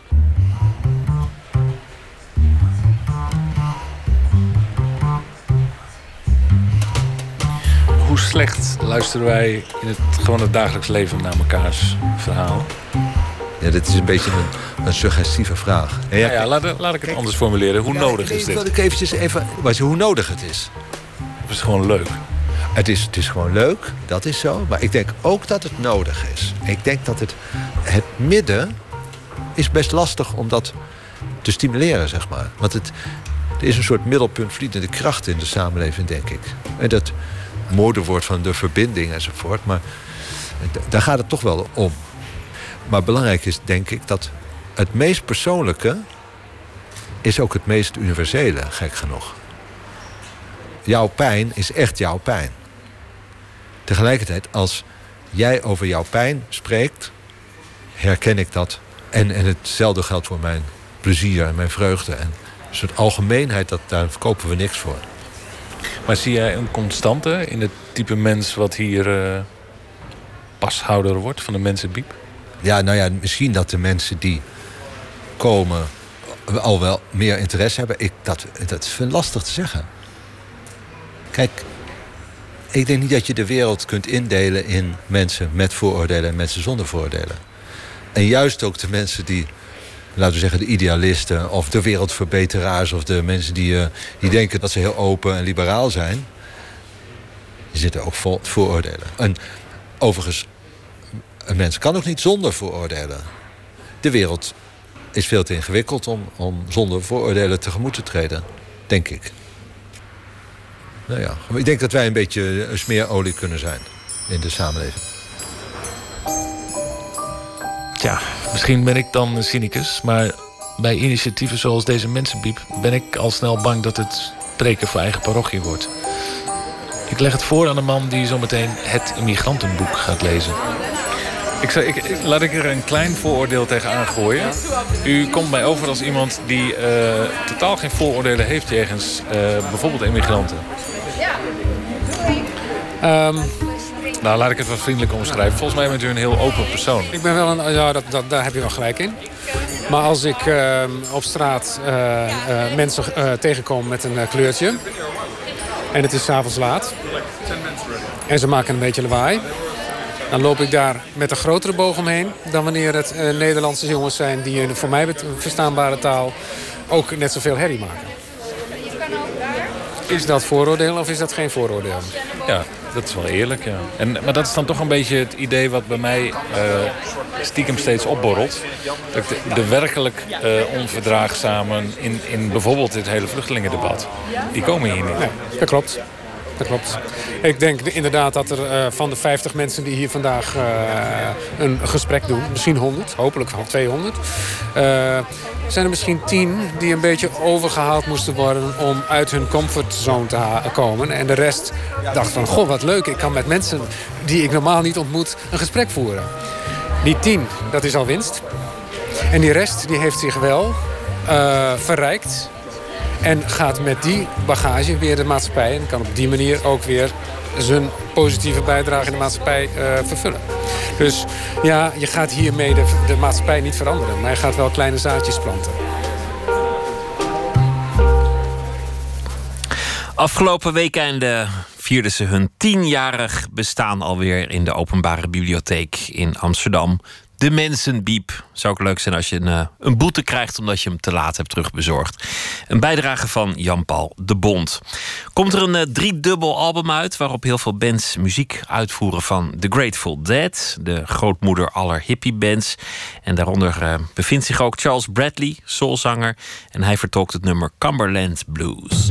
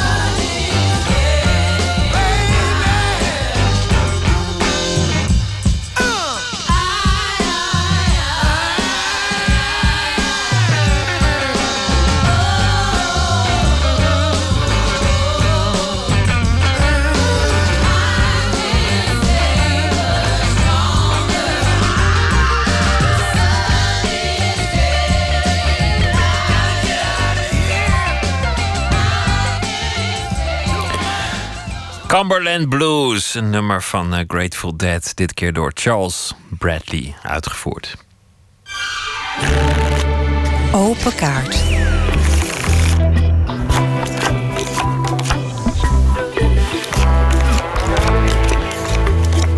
Een bak met kaarten, 150 stuks. En op elke kaart staat een vraag. En de gast is fotograaf Eddy Postuma de Boer.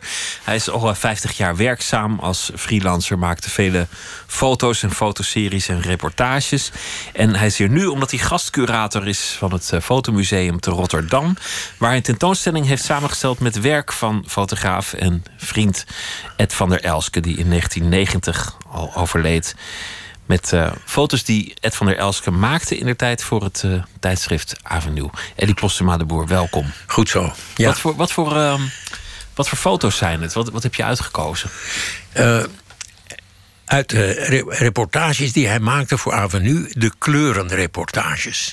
Want zijn dia's de dia's van Ed van Elske die zijn lang bewaard in een kelder in zijn huis in Edamme. Die zijn een beetje, een beetje door vocht aangetast.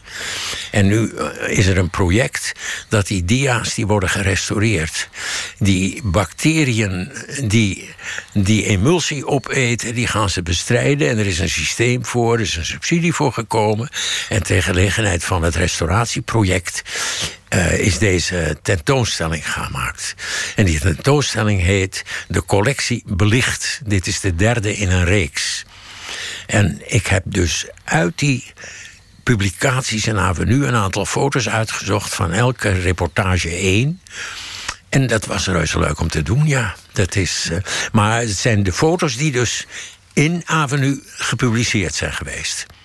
Soms lukte dat niet, dan was er een dia weg, maar dan was er een vergelijkend dia nog in het archief aanwezig. En in kleur, want hij is, hij is toch het meest bekend met zijn zwart-wit foto's, denk ik. Ja, hij heeft veel. Dat was ook zijn favoriete bezigheid. Maar kijk, als je voor Avenue een reportage moest maken of ging maken, dan moest het wel in kleur.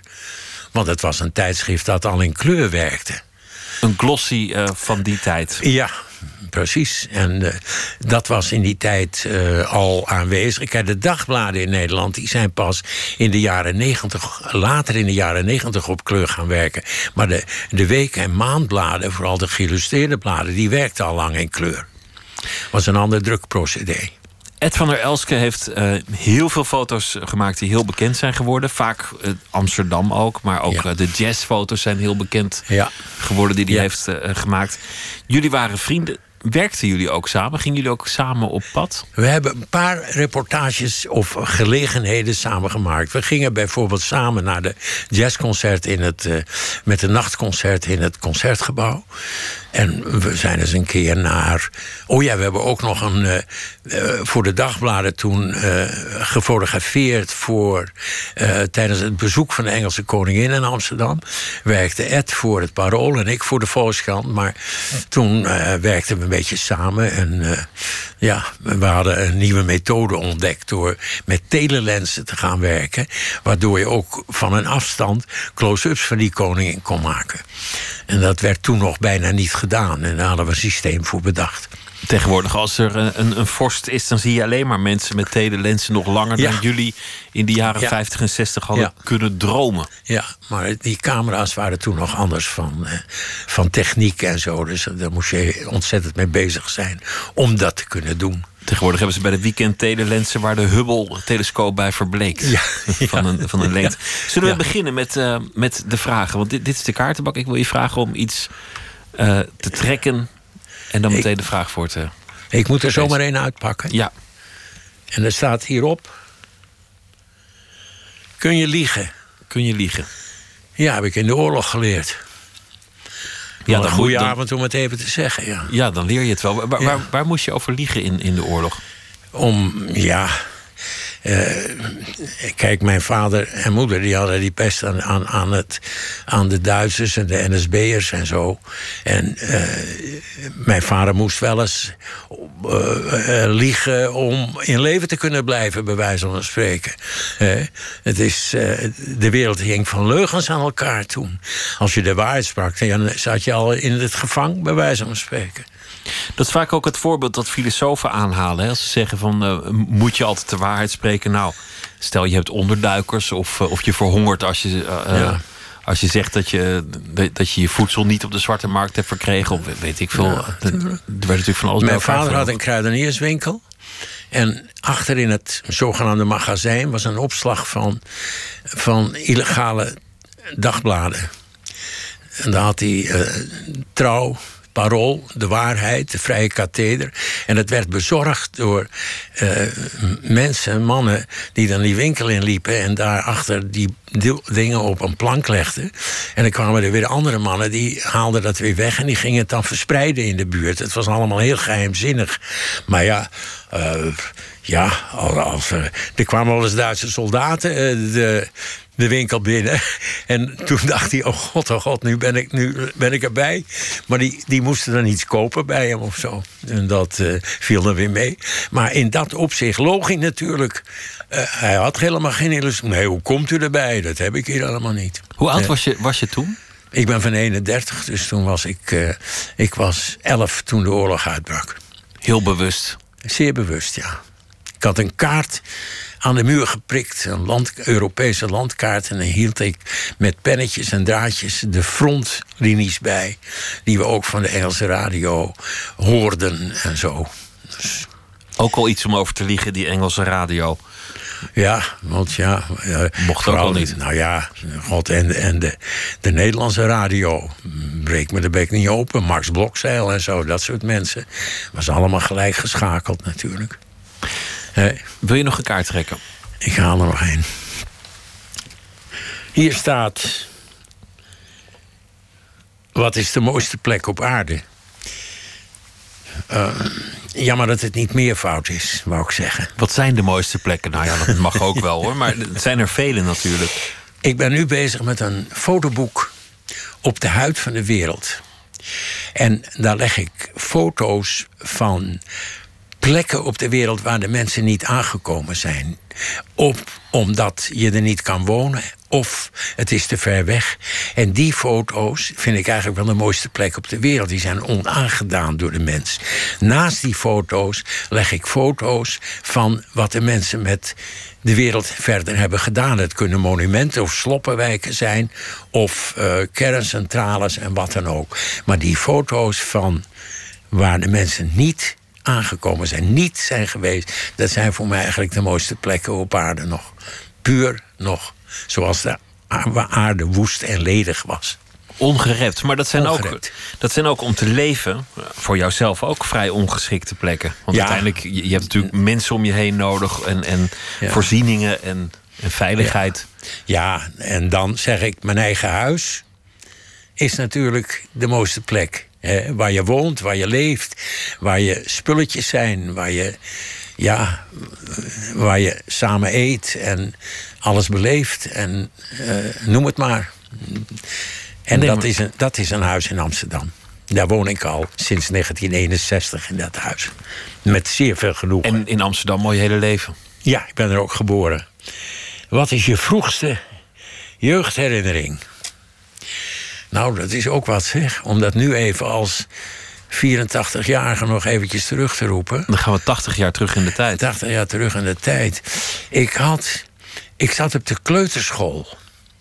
En ik werd daarheen gebracht door de bediende van mijn vaders kruidenierswinkel.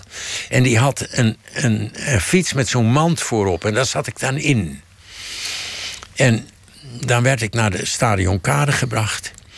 En die juffrouw heette juffrouw Potjewijd. En het was een ontzettend leuke kleuterjuf, eigenlijk wel. En ik weet niet meer, ik, maar herinneringen zijn vaag natuurlijk. Maar die, die mand waar ik toen in zat, toen was ik misschien vier jaar. En die weet, dat weet ik nog, dat die jongen mij met die bakfiets heen en weer bracht.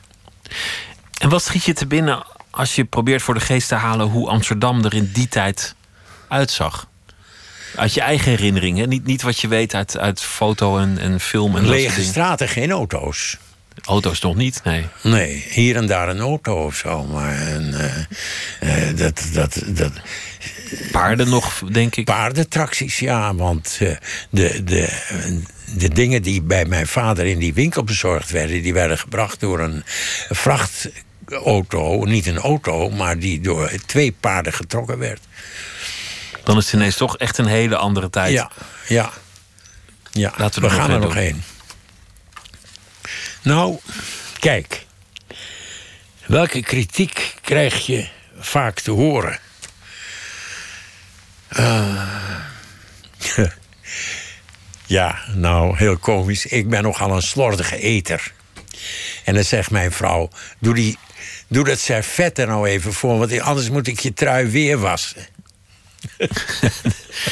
Er zijn, er zijn heel veel mensen die slordige eters zijn geweest, die, die, die, die verder hele briljante mensen zijn geworden. Je leest het vaak. Ja. Ik las het laatst nog over, over Joop den El, geloof ik, dat het een hele slordige eter was. Ja, ja. En Oh dat, ja, dat, dat nou, het bij dat- staatsbanketten een probleem was dat, dat het banket dan over zijn, over zijn hele pak zat. Ja, ja, ja. Ja, die, die zag er ook zo uit. Ja, een beetje. s- Ik, hij, hij, hij sprak keurig netjes, maar hij had een beetje iets slordigs ja, in zijn eh, kleding ook. En kon hem niet zoveel schelen, geloof ik. Slordige eters vind je Slordige overal. eters, ja. Ja. Nou, dan ga ik een beetje naar deze kant. Kijk. Wanneer laat je iemand vallen? Eh, dat is. Dat is heel moeilijk te zeggen, want het komt bij mij nooit voor dat ik iemand laat vallen. Of je zwaar beledigd wordt of bedonderd wordt of zo. En ik laat wel eens iemand vallen, maar die ken ik helemaal niet. Die heb ik nooit ontmoet. Bijvoorbeeld een politicus. Die kan ik laten vallen. Ja, dat, maar dat, dat is nog niet echt dat je in een vriendschap zit en, en, Nee, en een soort nee, loyaliteit wordt verlangd. Ja, ik heb, ik heb, ik heb alleen maar prima vrienden. En eh, in, in de familie is ook geen ongerief, weet je wel. Het is, eh, maar wanneer laat je iemand vallen, dat is wat anders nog. Dan hoeft het niet te gebeuren, maar daar kan je iets bij voorstellen. Als eh, iemand je echt bedondert, is. Je financieel bedondert of zo, of zijn afspraken niet nakomt, dan zeg je, nou, daar wil ik niks meer mee te maken hebben. Die, eh, die zet ik van me af. Maar dat is nooit gebeurd. Dat is nooit gebeurd, nee. nee. Wat een zegen. Nee. Laten we er nog één doen. Nog één. Waarin ben je schaamteloos? In het fotograferen. Als ik iets wil, dan moet het gebeuren. Dan ga ik door, niet door roeien en ruiten, maar dan ben ik een doorzetter. En dan. Maar ik zal nooit iemand beledigen daarin. Ik heb groot respect voor het, het menselijk bestaan en zo. Dus ik ga niet schaamteloos te werk. Maar ik ga wel eh, door tot het gaatje, bij wijze van spreken, tot mijn gaatje gevuld is. Nou, ja, wat, wat je vertelt over, over de huid van de aarde.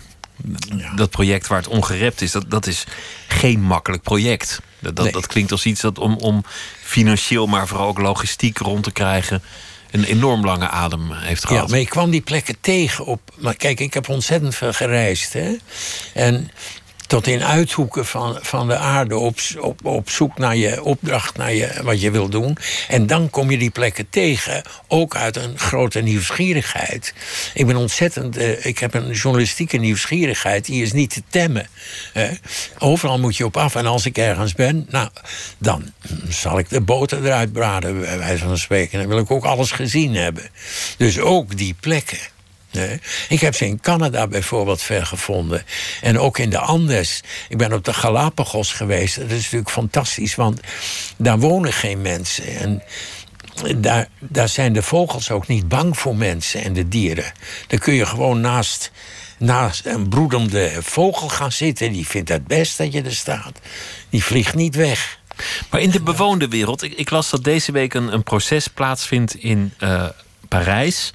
Tegen een van de fotografen die na die terroristische aanslagen een slachtoffer had gefotografeerd. En die is aangeklaagd, want, want dat vonden ze een inbreuk op zijn waardigheid om hem in die toestand te fotograferen. Er is natuurlijk heel veel gevoeligheid rond fotografen. Je hebt dat mooie beeld. Doe je het of doe je het niet? Heb je, heb je daar een schaamte of voorzichtigheid? Nee, je doet het wel. Maar het punt is, wordt het gepubliceerd, ja of nee? En dat moet je dan doen in overleg met de eindredacteur of de hoofdredacteur van je krant of tijdschrift. Kunnen we het doen, ja of nee? Maar als ik die foto niet inlever, kun je er ook niet over praten. Eh, alles moet gefotografeerd worden. Eh, ze hebben na de oorlog hebben Amerikaanse eh, fotografen in Bergen-Belsen die rotzooi gefotografeerd. Godzijdank zijn die foto's er nog. Als bewijs hebben we het vanavond weer over gehad allemaal. Altijd die foto schieten of je het publiceert, dat is een tweede. Dat is een tweede, maar dan, dan gelden de overwegingen van, eh, van ethiek en wat dan ook. Maar ik vind wel dat je moet het fotograferen, ja. De foto's van eh, Ed van der Elske die zijn eh, te zien vanaf 6 mei in het Fotomuseum in Rotterdam. Een, een bezoek waard, denk ik. En er komt ook nog een eh, kleurenfotoboek I Love You. En een tentoonstelling daarvan die gaat meereizen met de parade. Klopt. Deze Ja, zomer. deze zomer, Eddie ja. Postema de Boer, dank je wel. Goed zo, graag gedaan hoor.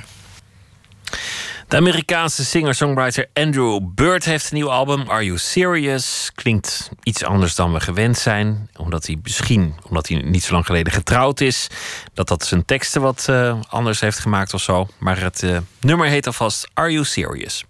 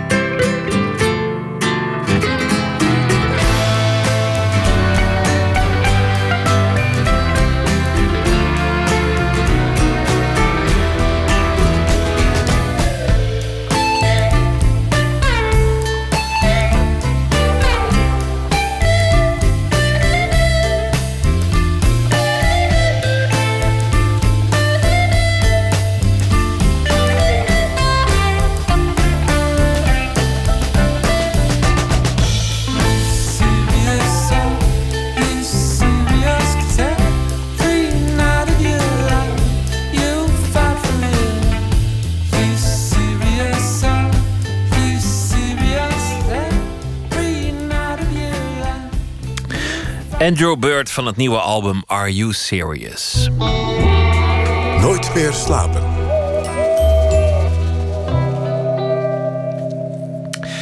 Het is al jarenlang wereldwijd zeer succesvol. De politieke dramaserie, House of Cards bijvoorbeeld, of Borgen. Maar de populariteit van politiek drama lijkt nu alweer een nieuw hoogtepunt te bereiken. Nachtcorrespondent Luc Heesen vraagt zich af of al het politiek drama ook nog effect zal hebben op het beeld dat we hebben van de werkelijke politici. Allereerst maar eens hebben over dat uh, succes van politiek drama. Waar, waar, blijkt het uit dat dat nu op een nieuwe piek afstevend? Nou, we verwachten aan het einde van dit jaar de nieuwe serie van uh, Leon de Winter, geschreven door hem, Brussel, over een Nederlandse eurocommissaris die in Brussel werkt. Uh, afgelopen dinsdagochtend werd bekend dat de Amerikaanse musical Hamilton genomineerd is voor 16 Tony Awards. Dat zijn de musicalprijzen daar. dat zijn de meeste nominaties voor een musical ooit.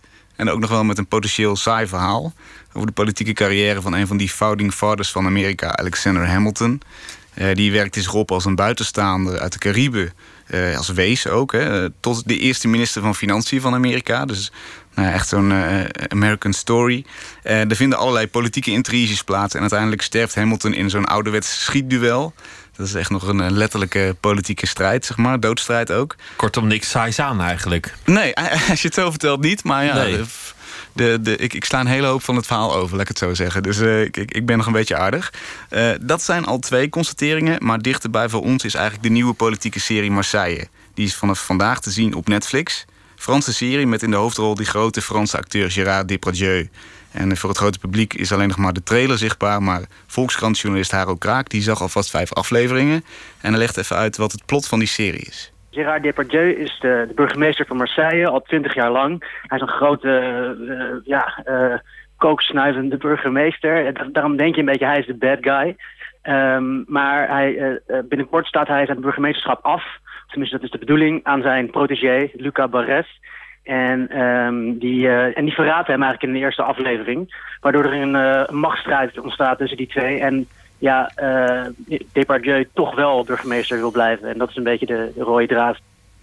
En dat allemaal in Marseille, de meest Afrikaanse stad van Frankrijk. En ook altijd de stad van de maffia, van de drugs.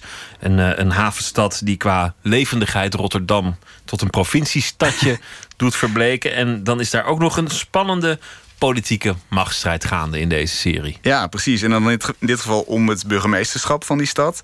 Uh, het werd in Netflix echt aangekondigd als de Franse House of Cards. Nou hebben we in Nederland natuurlijk ook politiek drama. Bijvoorbeeld De Fractie van de VPRO.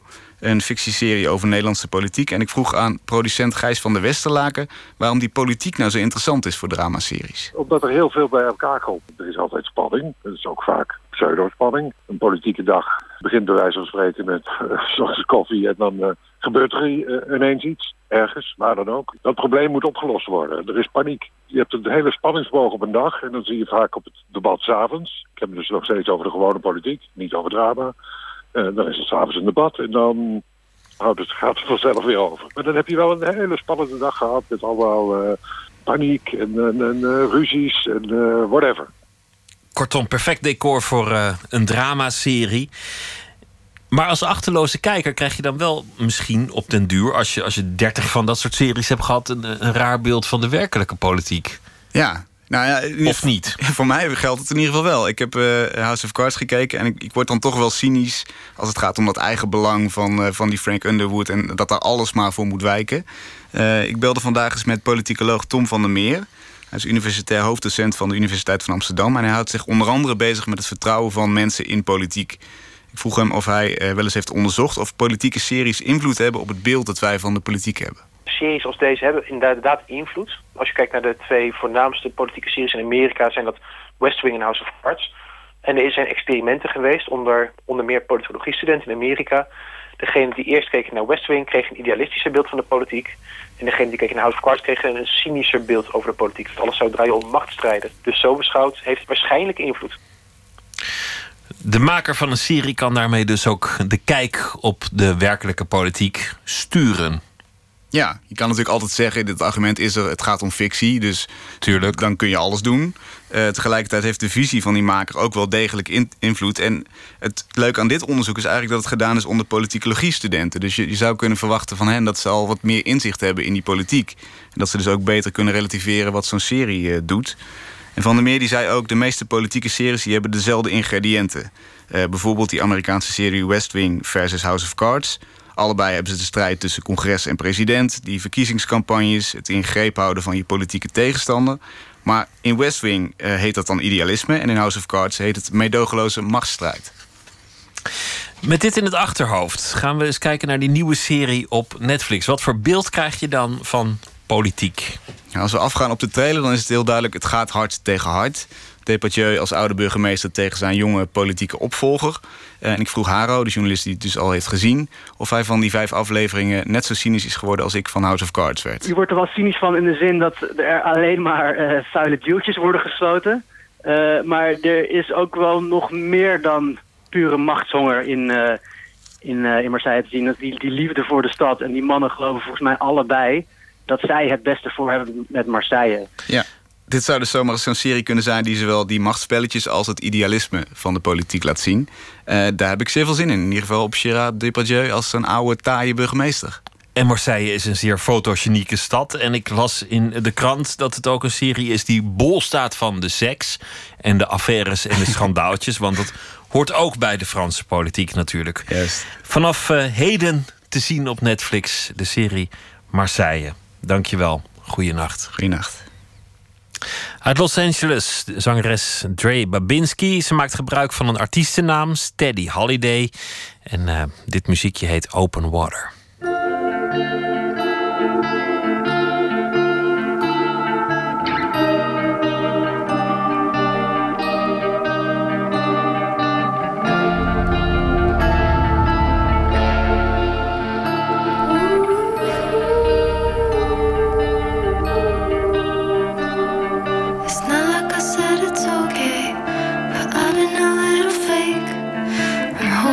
Myself like a brick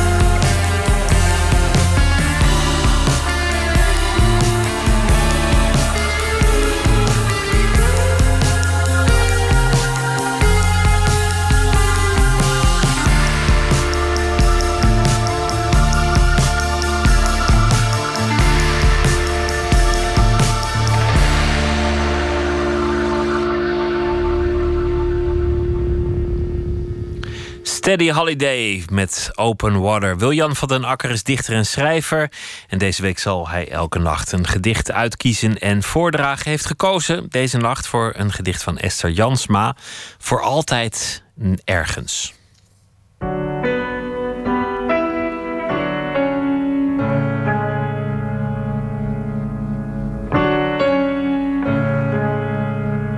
Esther Jansma kan voor mij als geen ander in een heel kort bestek van taal een wereld opbouwen waar dingen opeens mogelijk worden die in de werkelijkheid onmogelijk zijn. En het gedicht voor altijd ergens gaat ze uit van het volgende idee. Wij hier op aarde kijken naar sterren die eigenlijk al, al even soms verdwenen zijn. En waarom zien wij die sterren nog? Omdat het licht nog bezig is ons te bereiken. Andersom zou je dus kunnen redeneren dat wij ook, wij zenden ook licht uit. En dat is op een reis door de tijd en door de ruimte. En dus, als je even verder denkt, zou er ergens ooit op een planeet. zouden er beelden kunnen binnenkomen van ons, terwijl we hier zitten. En eigenlijk alles al eeuwen of misschien wel miljoenen jaren voorbij is. Op de een of andere manier blijven wij dus door dat licht samengebonden, reizend de ruimte in. En Esther Jansma is een dichter die ik al heel erg lang bewonder. En dat ze sinds 16 jaar ook nog mijn vrouw is, voegt er wellicht een extra dimensie aan toe. Zeker voor dit gedicht. Voor altijd ergens. Het is niet zo dat alles verdwijnt. De laatste plek waar jij bent, de gekende, handkleine, bloedwarme helling in het holst van de tijd, is mijn hand en mijn hand heft zich op. Maar in de schil van de wereld die stil is, in de huid van het huis, in het hart van de lakens, haal jij adem en slaapt. Verdwijnt niets. Alles is voor altijd gebeurd en blijft bewaard. Neem een willekeurige ochtend. Wij ontwaakten, er was voedsel en straks. Het licht van zomer, de zoveelste zomer, verwarmde ons en vertrok het heelal in en ging verder. Wij beiden schijnen voor altijd met brood in de handen, ergens uit het blauwe gezicht van de aarde. Een gedicht van Esther Jansma, voor altijd ergens gelezen door Wiljan van den Akker. Morgen zal hij weer een gedicht uitkiezen en voordragen. Morgen is de gastschrijver en columnist Baba Tarawali. Hij vluchtte in 1995 uit Sierra Leone, werkt als trainer voor allerlei organisaties die vluchtelingen en Nederlanders met elkaar verbinden. Zet zich ook in voor onafhankelijke media in andere landen. En zijn eerste roman was De God met de Blauwe Ogen. Dat ging over het verhaal van een jongen die verstrikt raakt tussen culturen. Zijn tweede roman is nu verschenen, De Verloren Hand, waarin de lezer meegenomen wordt in de belevingswereld van asielzoekers en hun worsteling om opgelopen trauma's te boven te komen. Verder gaan we morgen in open kaart praten met modeontwerper Bas Kosters. Hij heeft een tentoonstelling in Arnhem, een overzichtstentoonstelling van al zijn werk. De titel daarvan is I Want It To Be Soft. The Journey of Bas Kosters. Nou, en nog heel veel andere dingen gaan we doen morgen. Dus dat wordt uh, vast allemaal heel erg leuk. Voor nu een hele goede nacht. Heel veel plezier en graag weer tot morgen.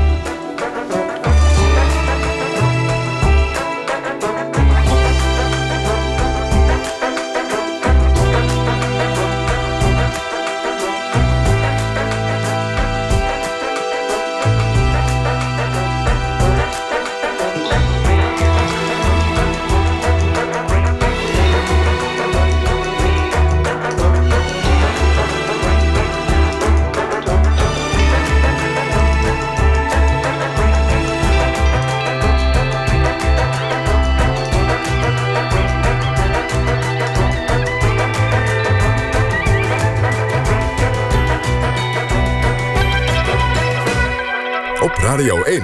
Het nieuws van alle kanten.